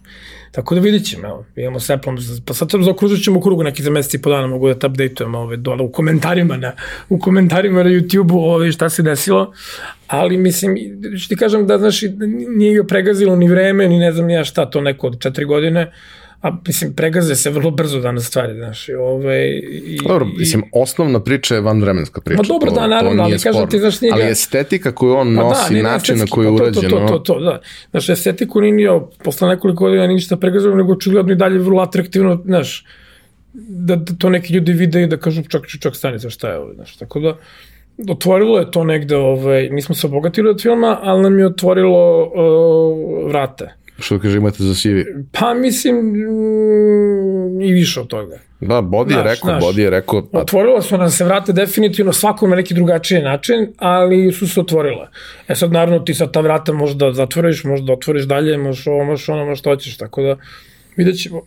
To je jedan od no, tih zanimljivih, mislim zanimljivih, onako, jedan od stresnih delova mog života, pošto imam neko snimanje, počinje 4. aprila, ove, jednog filma, ovo je jedan drugi koji je neki animirano hibridni, da smo potpisali ugovor sa Epic Gamesom uh -huh. i sa Tirlatilom iz Novog Sada, ovaj, to smo već ukrenuli da radimo, pa sad čekam da vidimo kad ćemo taj live action da snimamo, pošto on hibridni, pa jel imaju i ovih uh, live, live action delova. Uh, imamo jednu seriju koju treba da snimamo negde tamo od juna, jula meseca, u zavisnosti kako budu pristizale financije, tako da u suštini evo, ove godine imamo tri snimanja i tu dosta tri vrlo ambiciozne snimanja u suštini. Ovaj, I možda nam se desi još jedno ludački ambiciozno negde u decembru, a možda ono pređe na proleće sledeće godine. Tako da ušli smo negde, znaš, a paralelno pregovaramo za sve projekte u razvoju s nekim šveđanima, francuzima, amerikancima i tako dalje. Tako da smo nekako ono internacionalizovali ovaj, taj svoj neki ono dramski portfolio, što bi rekli. I mislim, ja sam neko prezadovoljan, to nije lako, užasno je teško, pogotovo odavde kad ti nekom nudiš program, on je u fazonu, what the fuck, mislim, kao, šta vi iz Srbije radite s svojim sci-fi ili nebitno, nekom dramom, razumeš, zašto, mislim, znaš, kao, znaš, jer, jer, jer ono što su oni mislim, da, da, da ne danim ljude previše ovde, znaš, ovo je neka ona naša interna filmska priča, ali u suštini e, ono što su navikli stranci da gledaju odavde, e, a, a stranci jednako Evropa, jer kao to su danas stranci, ili tako, Amerika to ne postoji, ovaj, to je zapravo taj jedan to su ti neki filmovi, mislim u 90% slučajeva koji su pravljeni po to nekom sistemu, malo mi da filmski centar, malo mi da centar ovaj, centar onaj, i što bi rekao moj prijatelj Mladen Đorđević, moj veliki drugar i reditelj, on kaže, pre neki dan mi je to rekao, ja sam rekao idem neku emisiju, citirat, citirat ću te. Ovo, rekao, kaže, Evropa se valja u birokratskom, Evro, evropski film se valja u birokratskom blatu. I to je zaista najtačniji mogući, ovaj, uh, najtačniji mogući izraz, zato što to zapravo jeste. Na kraju su tu samo važni papiri. Znaš, kao, znaš, kao kako si opravdao neka sredstva i tako dalje. Šta si ti na kraju dana snimio, pa kao sad nekog producenta i reditelja zanimao, nekog baš i ne. Znaš, kao, mislim, Tako, ne, ne bi nikog da osuđujem i to bilo šta, ali nekako nije mi to, meni nije to neki moj. Dobro, moj, ali generalno kad gledaš neki, znaš, i tematski stvari koje smo mi radili prethodnih 20 pa ne, godina vidi, vidi, nisu vidi, vidi. preterano interesantni izvan ovog podneblja. Pa, mislim da je tu bilo jedno kurvanje u smislu kao uh, mi mislimo da će vama to biti interesantno. Znaš? A to su mahom neke one socijalne, neke one, one, znaš, ono nešto, neki pakao pakla. Ajde prikažemo kako u Srbiji ono najgore na svetu, kao, znaš. A mene, mene, mislim, mene to ne zanima, mislim, znaš, ni ove ljude s kojima radim, mislim, svi mi zajedno, znaš, nas to ne zanima, mi zanima, pokažemo nešto da, da mi znamo da napravimo nešto što možda gleda bilo ko, bilo gde, mislim, znaš, ko, što nije ideja da, znaš, a onda je to malo drugačiji način finansiranja, to, to onda nije ovo. Znaš, nego je to, to je onako, ono, mislim, preduzetnički, znaš, to, ono, baš, ono što sam da, isto da. hteo da te pitam, a tiče se ovaj, Ederlezi Risinga i neće više da te mučim oko toga, ali želim jednu stvar ajde, da, da probaš da objasniš uh, iz ugla osobe koja je, dakle, koordinirala, kažemo, dobar deo financije i svega toga. Uh, taj film izgleda spektakularno i ta priča je jako lepa, teška, lepa, podela je fantastična, sve je dobro isplanirano, svedeno, nema sad beskonačno ljudi i svega toga, ali uh, jedan od razloga zašto to izgleda toliko dobro, zašto je, zašto je celokupni osjećaj kad gledaš toliko dobar, je uh, prvo zato što izgleda dobro, drugo zato što zvuči dobro, treće zato što je podela takva da, da svako je odneo svoju ulogu maksimalno, ali taj moment za koji mislim da, da, da ljudi uglavnom nisu, nisu svesnije koliko toga je do dobrog snimka, a koliko toga je do rada koji sledi nakon toga na postprodukciji toga. A znaš kako vidi, znaš šta, ovde ima, ovde Nederleziju konkretno, ali ljubim te, samo još jedno pitanje koje ne mogu više. Ona. A, ovaj, e, ne delezu imaš jedno i drugo. Zato što u startu je, je Kosta kao direktor fotografije napravio stvarno, mislim, fenomenalan posao. Kosta Glušica. Znaš, da, Kosta Glušica. Onda imaš, znaš, Bodrožu koji ti je tu negde ima neku art direkciju koja od starta bila dosta, dosta jasna šta je on hteo. To je taj neki onako, kao da je neki sovjetski film u pitanju, mislim, mm. znaš. Onda imaš ono kao ovu ekipu iz dva studija, znači to su radili ovi iz Frajda, Vuk Tatalović i društvo oko njega i, i ovo društvo iz primjera, koji su onda to ispratili svako na svoj način ovaj, vizualnim efektima. I to je sad već, jel tako, nešto što dolazi kasnije, a imaš, brate, i tu jednu scenografiju koja Aljoša radio sa svojom, sa svojom ženom, koja, mislim, kao za, za te novce za koje je napravljena, a i nevezano od toga, mislim, stvarno, ono, genijalno, potpuno, ako me ne pitaš. I, ovaj, I na kraju dana, po meni nešto što je jako važno u tom filmu, brate, to je muzika koja ima jako puno i koja je spektakl potpuni. Mislim da je to ono, apsolutno remek dela Nemanja Musurovića, koji je onako isto kao još gori od mene, jer on ne voli da se o njemu ni priča, ni da zna, ni voli da daje intervjue, ne voli ništa, ali koja je u tom smislu apsolutni genije, mislim, i to ne samo za ovaj prostor ovde, nego mnogo, mnogo, mnogo šire. Znaš, mislim, tako da za njega znaju Srbi i Kinezi, ja mahom, kao, znaš, znaju neki, znaju neki evropljani, ali nešto, nešto, ovaj, ja, ja mislim da bi trebali da znaju malo više, ovaj, ali evo, Kinezi su ga otkrili pre par godina i sada ga onako poprilično ovaj, upotrebljavaju kako treba, znaš. Sreća, ovaj, mala zemlja, pa... Pa da, da, tako da, ovaj, ja sam baš rekao pre neki dan, vidi brete, ono, pošto volim da čitam Ray Dalija, znaš, i to sve, I ovaj, rekao, ima Ray Dalio novu knjigu, rekao, zove se, ono, rekao, sad oni nisu više ni Principles, nego sad ima Principles of New World Order, I rekao, to moraš da čitaš, rekao, to je sad priča o tome kako dolazi Kina, rekao, ti si već tamo, samo tamo ostane, evo gdje se brdaš. to, to, zamislite, e, da. zar vam nije žao kakav svet ostavljamo kinezima? da, da, da. Znaš, tako da, ovaj, um, ima tu jedno i drugo. Ma mislim sve, kao u životu, brate, ono, gomila detalja, sve mora se uklopiti. Ko da sklapaš neki on, mozaik, Znaš kad gledaš, meni to spektakl, volim, ima u San Peterburgu jedna divna crkva koju uvek zaboravim ima, koja je kompletno mozaiku. I to kad gledaš, čoče, to, to će uzmano, brate, realno. Ali bukvalno da li je realno. Jer, znaš, ono, znaš da je to bukvalno komadić po komadić po komadić po komadić i znaš da ti jako puno vremena treba da to na kraju dobije kakvu takav obris nečega, ali tada vera da će to na kraju da zaista deluje jedno znanje, taj jedan kraft koji postoji da će to na kraju da deluje kao neka celina, tako sklad, ne samo skladna, nego koja će da zrači tako nečim spektakl. Meni lično ti mozaici su uvijek spektakularni. Da li su ono, znaš, ovako malecki ili su tako neko ono, ono veliki, mislim, ono... Uvijek imaš taj moment, to je, ono, to je ludilo. oblikovanje svega pa toga pa da, i, i, i isto To ti kažem, tako da meni uvijek to neko nam, znaš, to kad pričamo o filmu na bilo, ili o zvuku na filmu, ili o filmu generalno, meni to posjeća na mozaik. Sad vizualni tip, mislim, uopšte nisam, ovaj, ja se bavim zvukom kao negde, ali sam zapravo vizualni čovjek. Znaš, onda Zato što te nisu pustili na montažu. Pa nisu me pustili na montažu slike. Pa da imam problem, ja sam pre nekam pola radio test, bilo mi dosadno nešto noći, pa sam radio, mislim, BMI neki, neki sistem, znaš, sam imam milionih sistema da ti testu, testira inteligenciju, znaš, pa onda sam kao ono, pola četiri ujutru, kao nesanica, kaj, popuni online, ono, 40 minuta, reši, rešio zadaljke.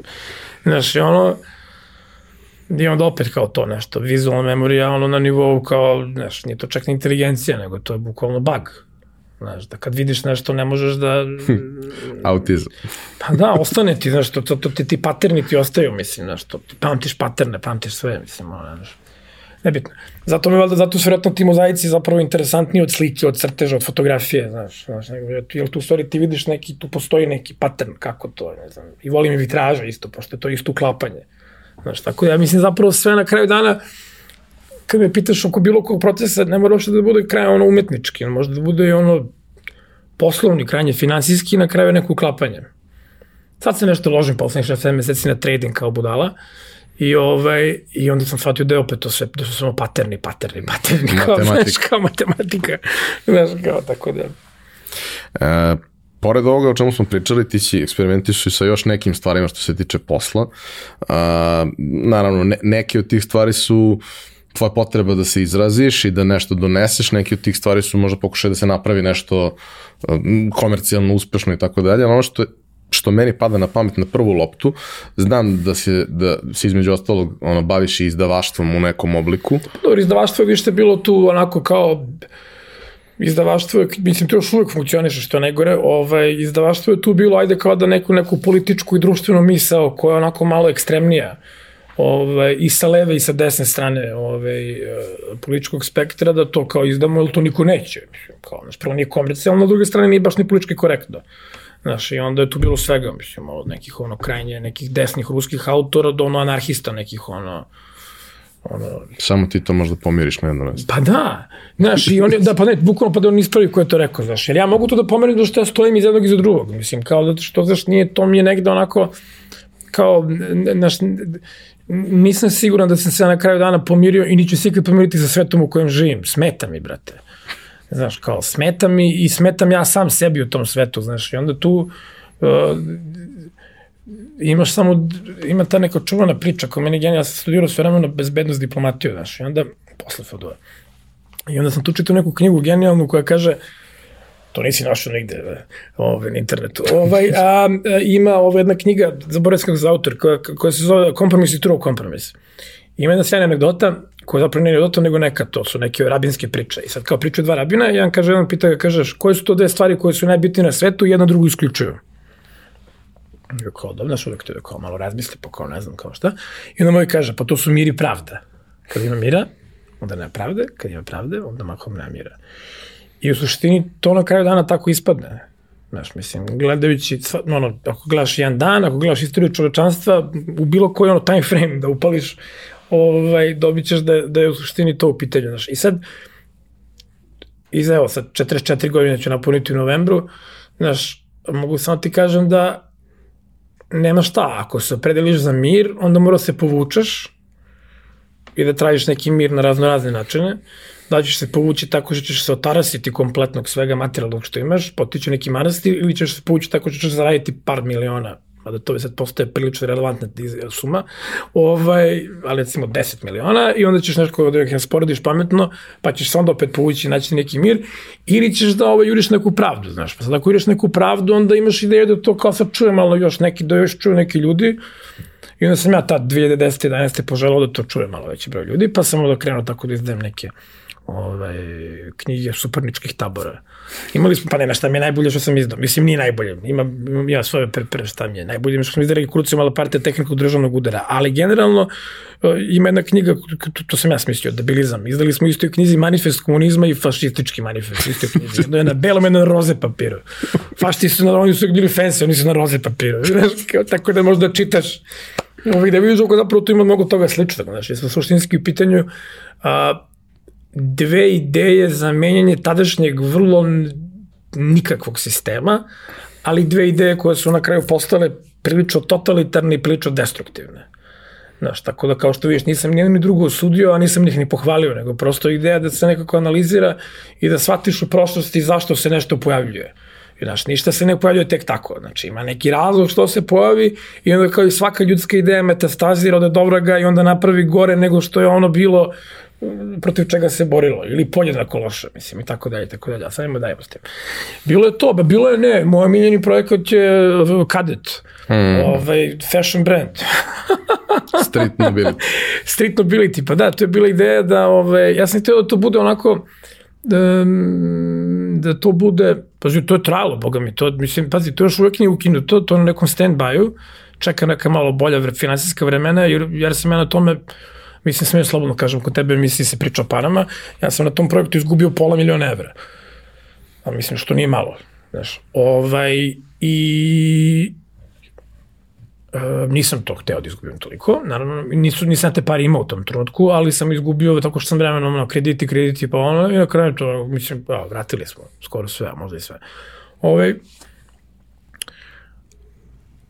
I, I zanimljivo je to, znaš, zato što ja tu priču ako volim i želim što nismo više pričali o tome, zato što ali mogu pričam, jedno 5-6 minuta, mislim, ne znam koliko ti je ograničenje emisije.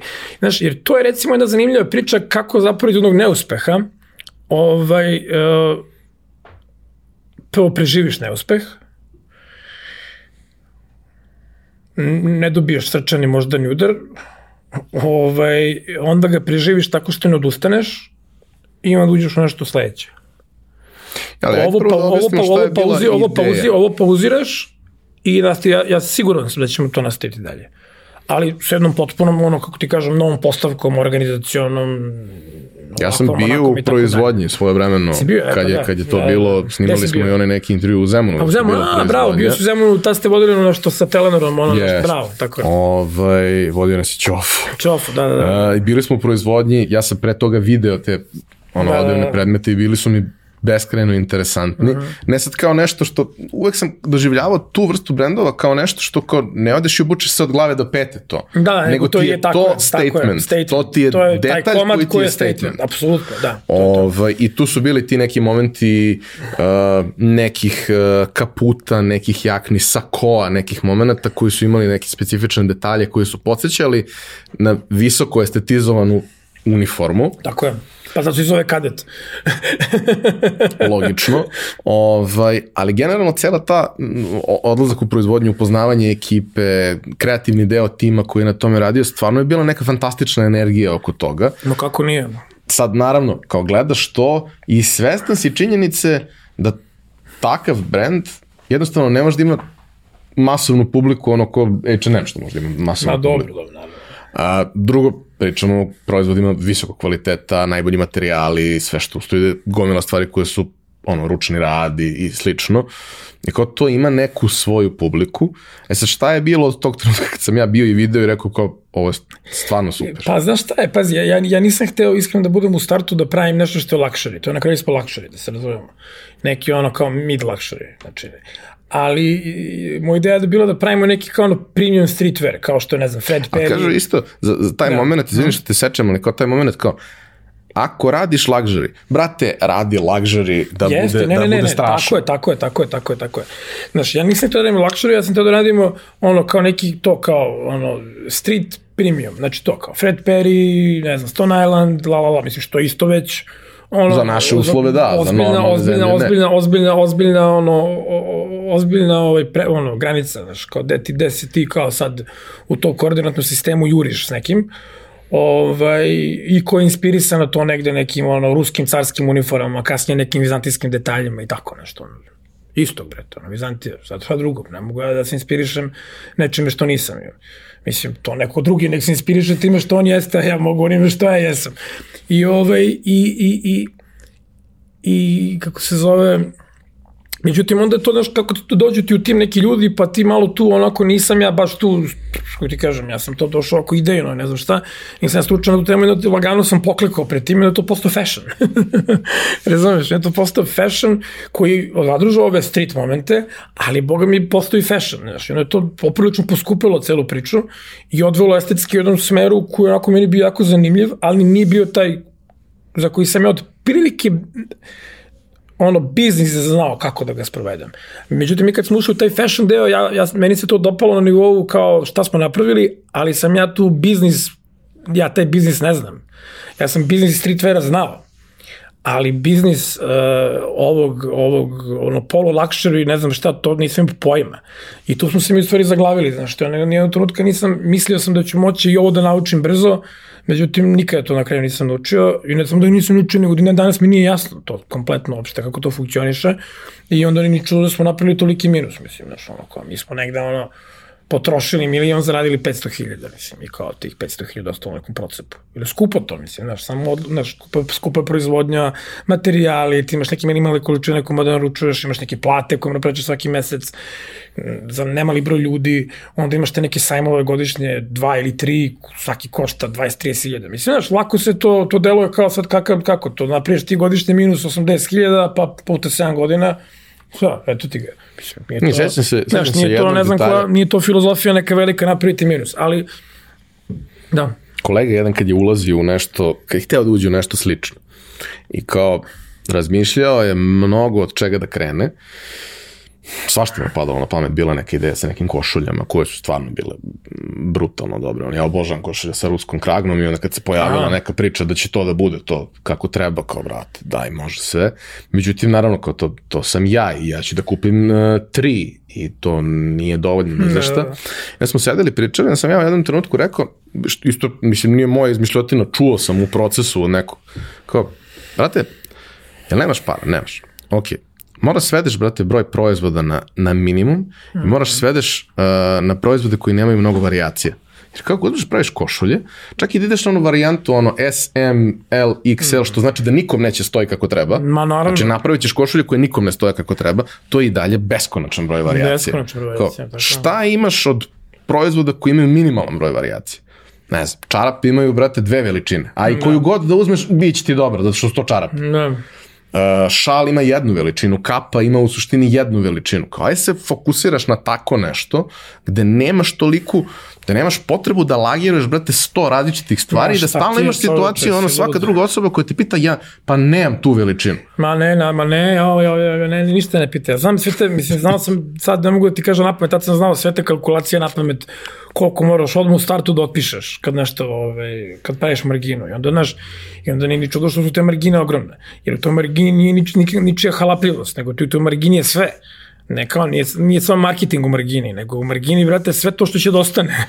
sve to što će da ostane da završi u nekom Razumeš, ono, outletu. Outletu outleta. Razum, da. Znači, znaš, onda to sve mora da uđe u tu marginu koja nije uopšte mala.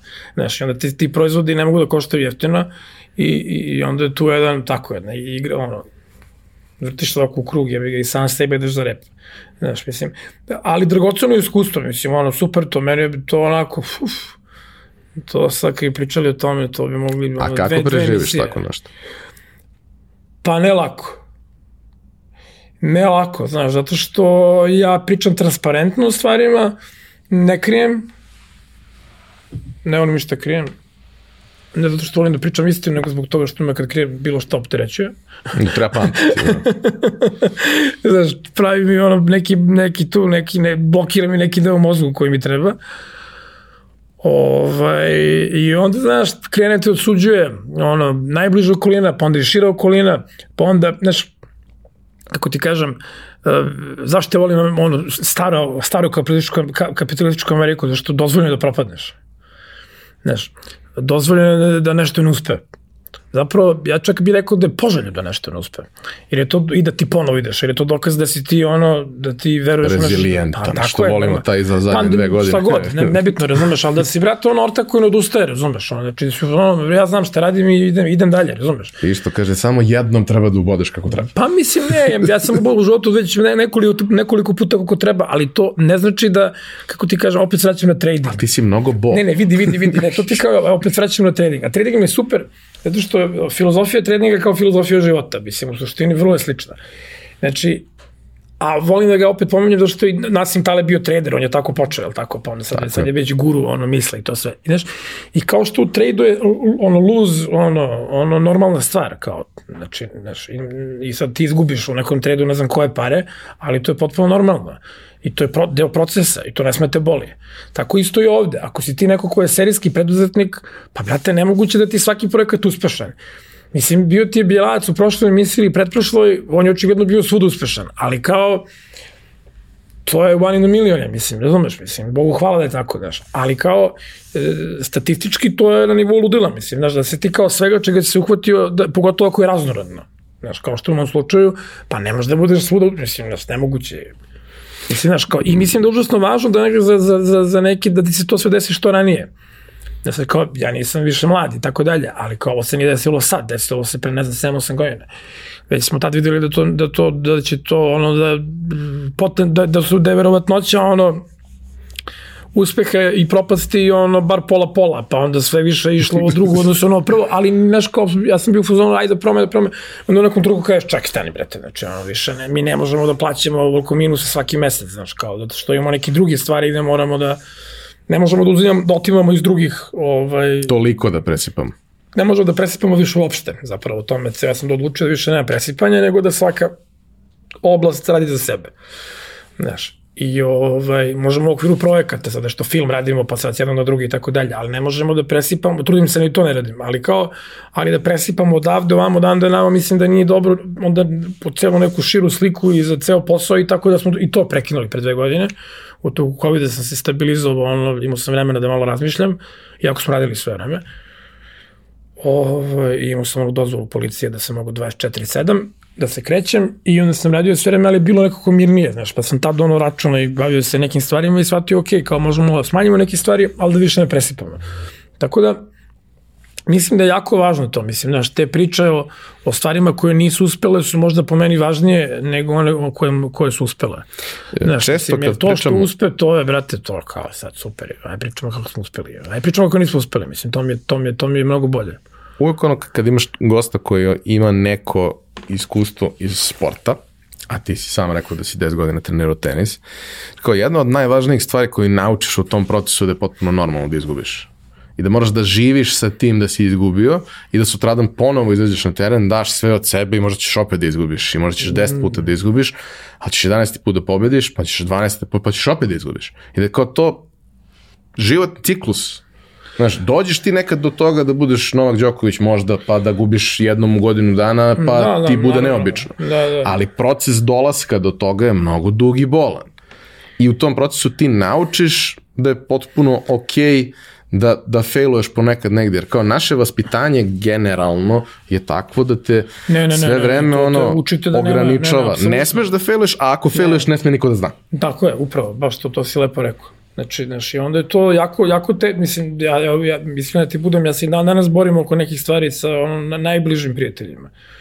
Znaš, kao, Bogu hvalim ovih drugih nekih koji podržavaju neke stvari, ne moraju podržavaju sve, pa nije to ideja, sad kao prijatelj se pa mora sve podržavaš, ne.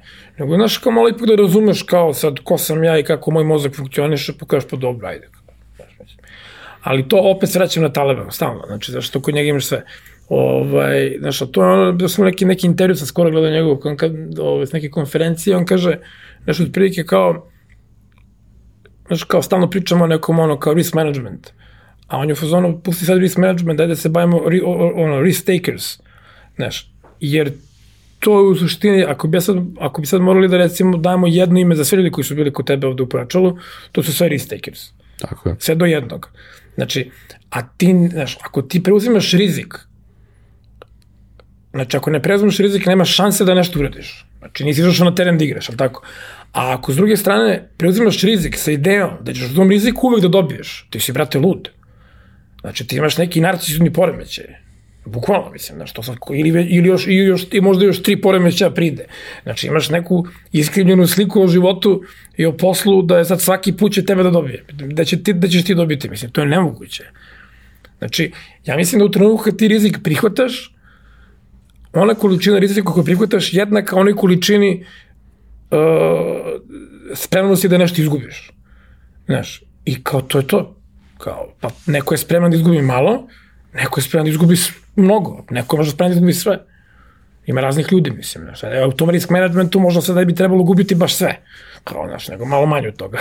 da možda nastaviš dalje. Mislim, tako da taj risk management u, u okviru tog nekog risk takinga bi kao trebalo praviti, to je definitivno. Ali kao, ja sam uvek, kako ti kažem, raspoložen da preuzimam maksimal, maksimal, maksimalan rizik, dokle god taj rizik neće ugroziti uh, sve druge stvari koje, koje, koje, ovaj, kojima se bavimo. Ja sam onda na taj način ugrozio i sebe i sve druge ljude koji rade sa mnom. Što, to I sve ono što si gradio, Tako i sve ono što si gradio. Tako da, znaš, ja jeste, ja preuzimam jako puno rizika, ali opet kažem, sa jednom vrstom, mi, mislim bar da je tako, sa jednom vrstom ono, uzimanja u obzir koliko taj maksimalan rizik u određenoj oblasti može da ošteti ovaj, u najgore svojoj varijanti sve ostalo pošto, što postoji, da li može nekim dominom efektom da sve razvali ili ne. Znaš, Imaš uvek da- taj moment da prosto je- ono, nekad je rizik prihvatljiv zato što je potencijalni reward toliko veliki da Normalno, kažeš hvala. ono, Pa ne, okej, mislim, znaš, i taj reward kako ga meriš. Znaš, kao čime ga meriš, znaš, da li on samo novčani ili ovakav, da li je novčani, da li je reputacioni, da li je novčani, reputacioni i emotivni u krajnjoj liniji. Ima ih raznih, mislim, znaš, tako da, ono, Aleksandar Protić, Sad sam 44 godine, sa Karaburom. e, šta ti je plan za narednih 10 godina? 10 godina, čekaj, brate, da je prvo plan za, prvo za ovu godinu, sad je. da preživiš kao- ova tri snimanja za ovu godinu. da. Ćemo pričati malo o ovom horror filmu, nećemo. Hoćemo da Hoćemo da... Pa znaš kako, za 10 godina ne znam, ja. Nemam pojma, znaš, pazi, mene ovaj... Uh, mene ovaj, nešto sve, znaš, to mi je bilo super opet kod, kod, kod, kod Ray Dalija, ovaj, ja sam malo krenuo sam da čitam te neke knjige koje nisu više ono, antička filozofija, teologija i ostalo, jer me to malo počelo da me umara, pa pravim malo pauzu, znaš, pa sad čitam ove, ove, ovde, ove, ljudi iz financije, kako, ljudi iz financije kako oni gledaju na život, znaš. I onda on ima jednu super prijevu, a to je, kaže, imaš pravo da sve, sve novo što te zanima radiš 90 dana. Sad kako oni izmire 90 dana, ali to čovjek iz hedge fonda, pa oni, oni, za sve imaju me, meru.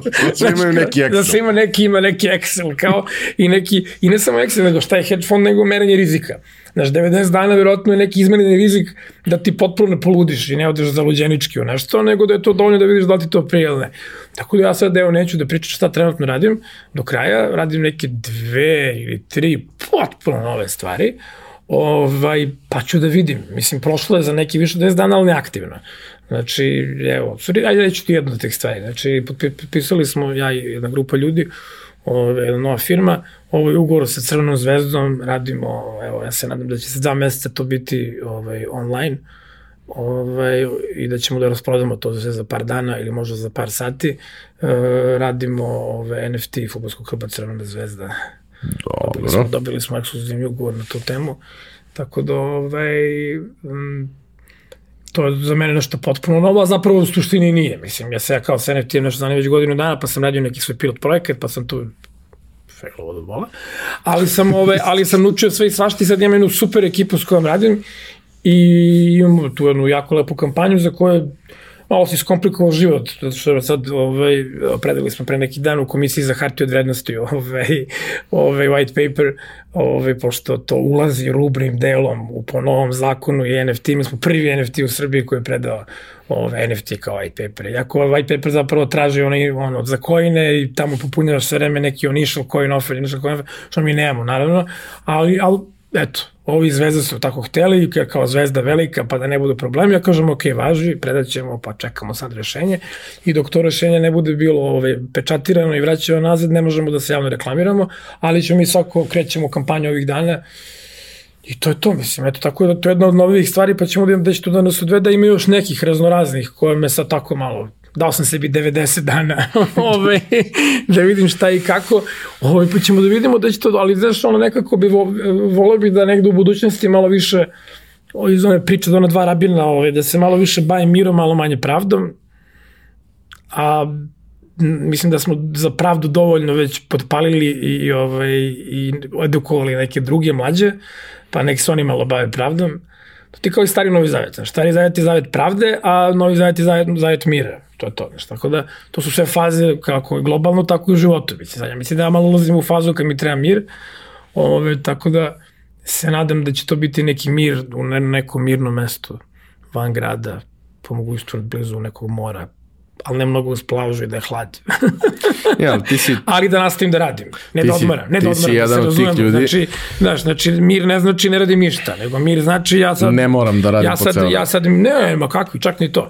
Nego mirne glave mogu da poločim neke malo krupnije poteze. Eto, ja to tako vidim i to ne za deset, boga mi, nego za pet. Nemoj deset i daleko. Dobro.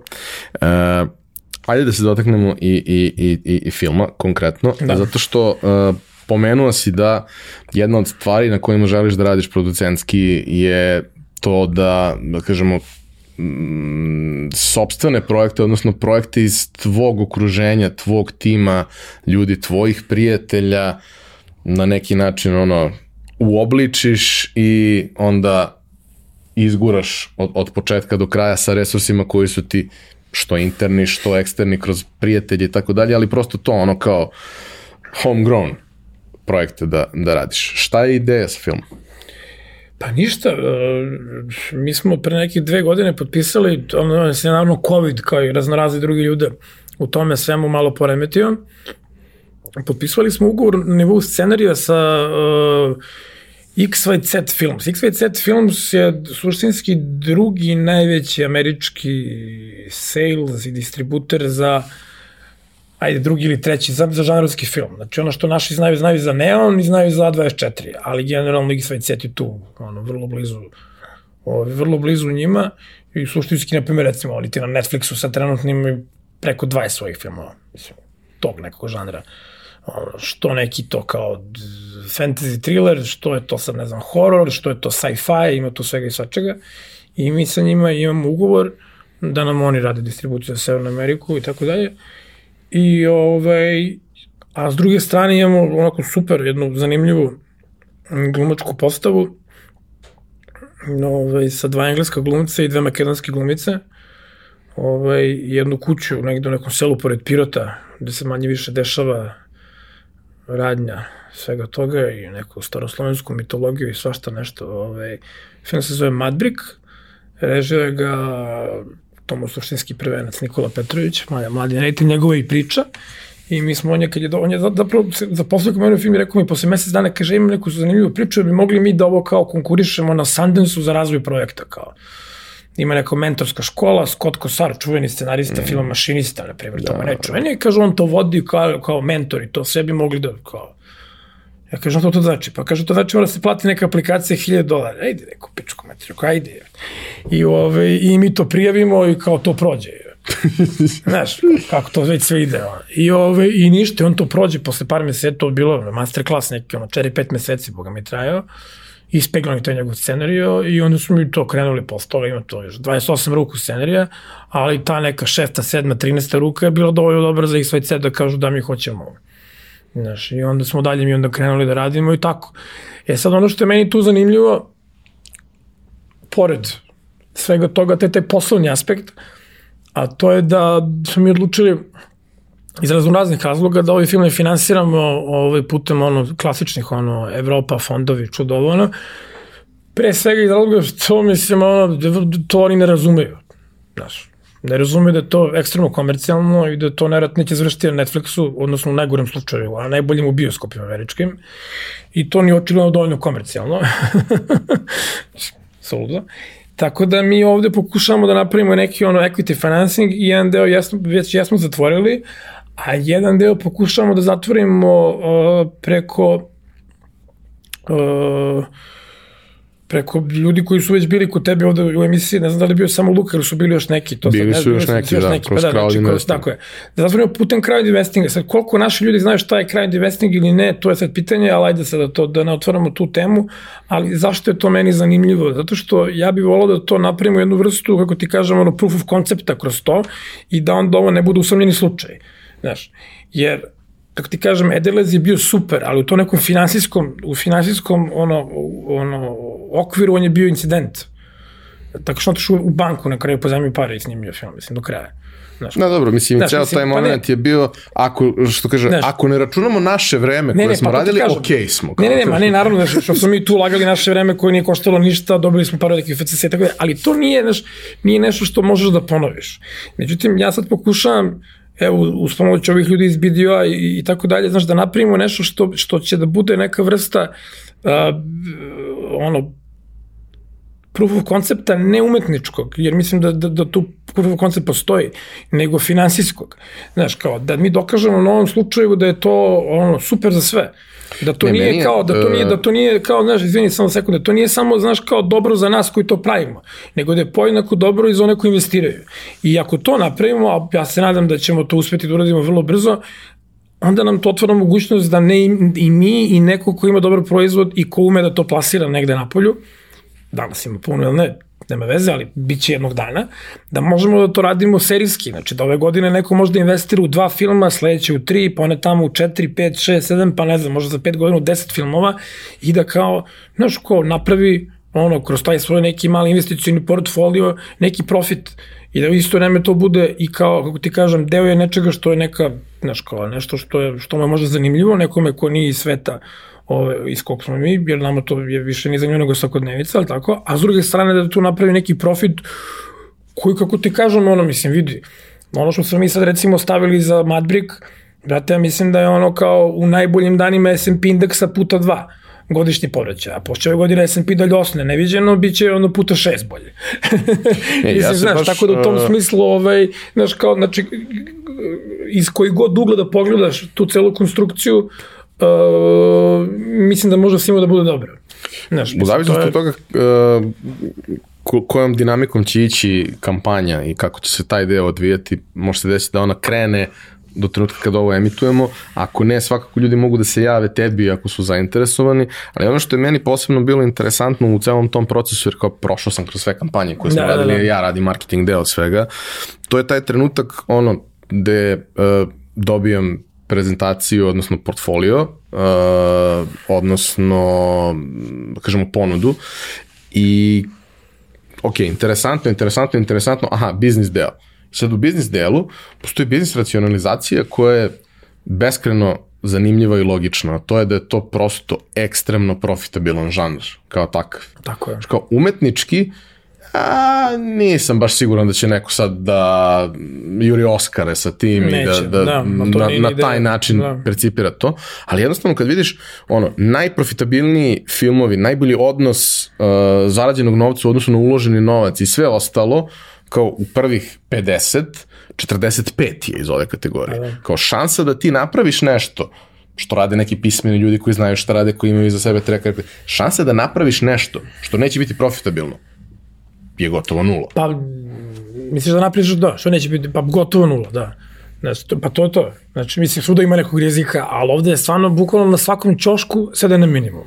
Pritom, Znaš, postoji to je taj ono- jedan moment koji sam ja primetio, nisam, ne, ne konzumiram sad nešto streaming platforme preterano, nemam vremena, volao bi da imam više vremena, posebno za filmove, ono, serije ne mogu da gledam jer to je baš ono, adiktiv, ali za filmove da, ali ono što jesam negde shvatio analizirajući, prateći, razmišljajući, je koliko su zapravo se svi oni na polju otvorili ka ideji da, da vide malo više tuđe mitologije, da vide malo više Yes. tuđih istorijskih priča, dokle god ti to njima prilagodiš da oni to kontaju, da, Da, neko naravno. priča dobar engleski Naravno, i tako naravno, dalje. naravno. Ali kao, hoće probaju sve to, zato što ono, krenulo je sa nekim fantazijem i svim tim, sad kao, imaš fantaziju koja je bazirana na nečemu što je ono, u, utemeljeno u nekom narodu, ima verovatno i delom istorijsku komponentu, ima i sve ostalo kao, znaš, meni je uvek bilo strašno da smo mi ono, narod uh, koji je izmislio reč vampir koji koristi ceo svet i da nismo ništa uradili po pitanju toga. Ni Ima jednom neki film, gled,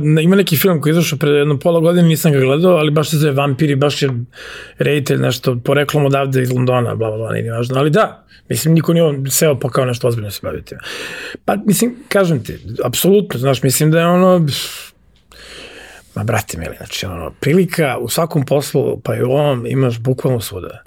Znači, samo je pitanje, ono, zdrave pameti i, i, i, i opet slaganje tog mozaika E, moraš da imaš malo uključen više racio Ne. od samo emocije. Pa normalno, ne, hvala Bogu, znaš, ali moraš da imaš i emociju uključeno, znači ne možeš da, ima, moraš da imaš sve pomalo, znači kažem ti, ali u tom mozaiku je sve, znači malo ovoga, malo ovoga, malo ovoga i onda pravilan raspored svega toga i neki balans, znaš, ali kažem ti, znaš, mi smo nažalost, ono, sad neću da kukam, ali kao, znaš, ono, društvo koje nije, nije moglo da odraste na, na, na, na, na pred, duhu preduzetništva. Razumeš, znaš, moja mama, ono, još uvijek govori, kad je pitaju čime se bave sinovi, ona kaže stariji je privatnik, a mlađi radi u prosveti. Znaš, to je ta terminologija. Znaš, kao privatnik, what the fuck, to znači, kao, mislim, znaš, kao, i, mislim, meni je to beskreno zabavno, no, žena radi u državnoj firmi ceo život, pa je to logično, ali kao, znaš, mislim, mislim da se taj duh, ne termina, nego duh uopšte posmatranja uvukao i neke generacije kao što je moja, mislim, siguran sam, ali se, nažalost, uvukao i neke generacije koje su mlađe od ove moje i tvoje.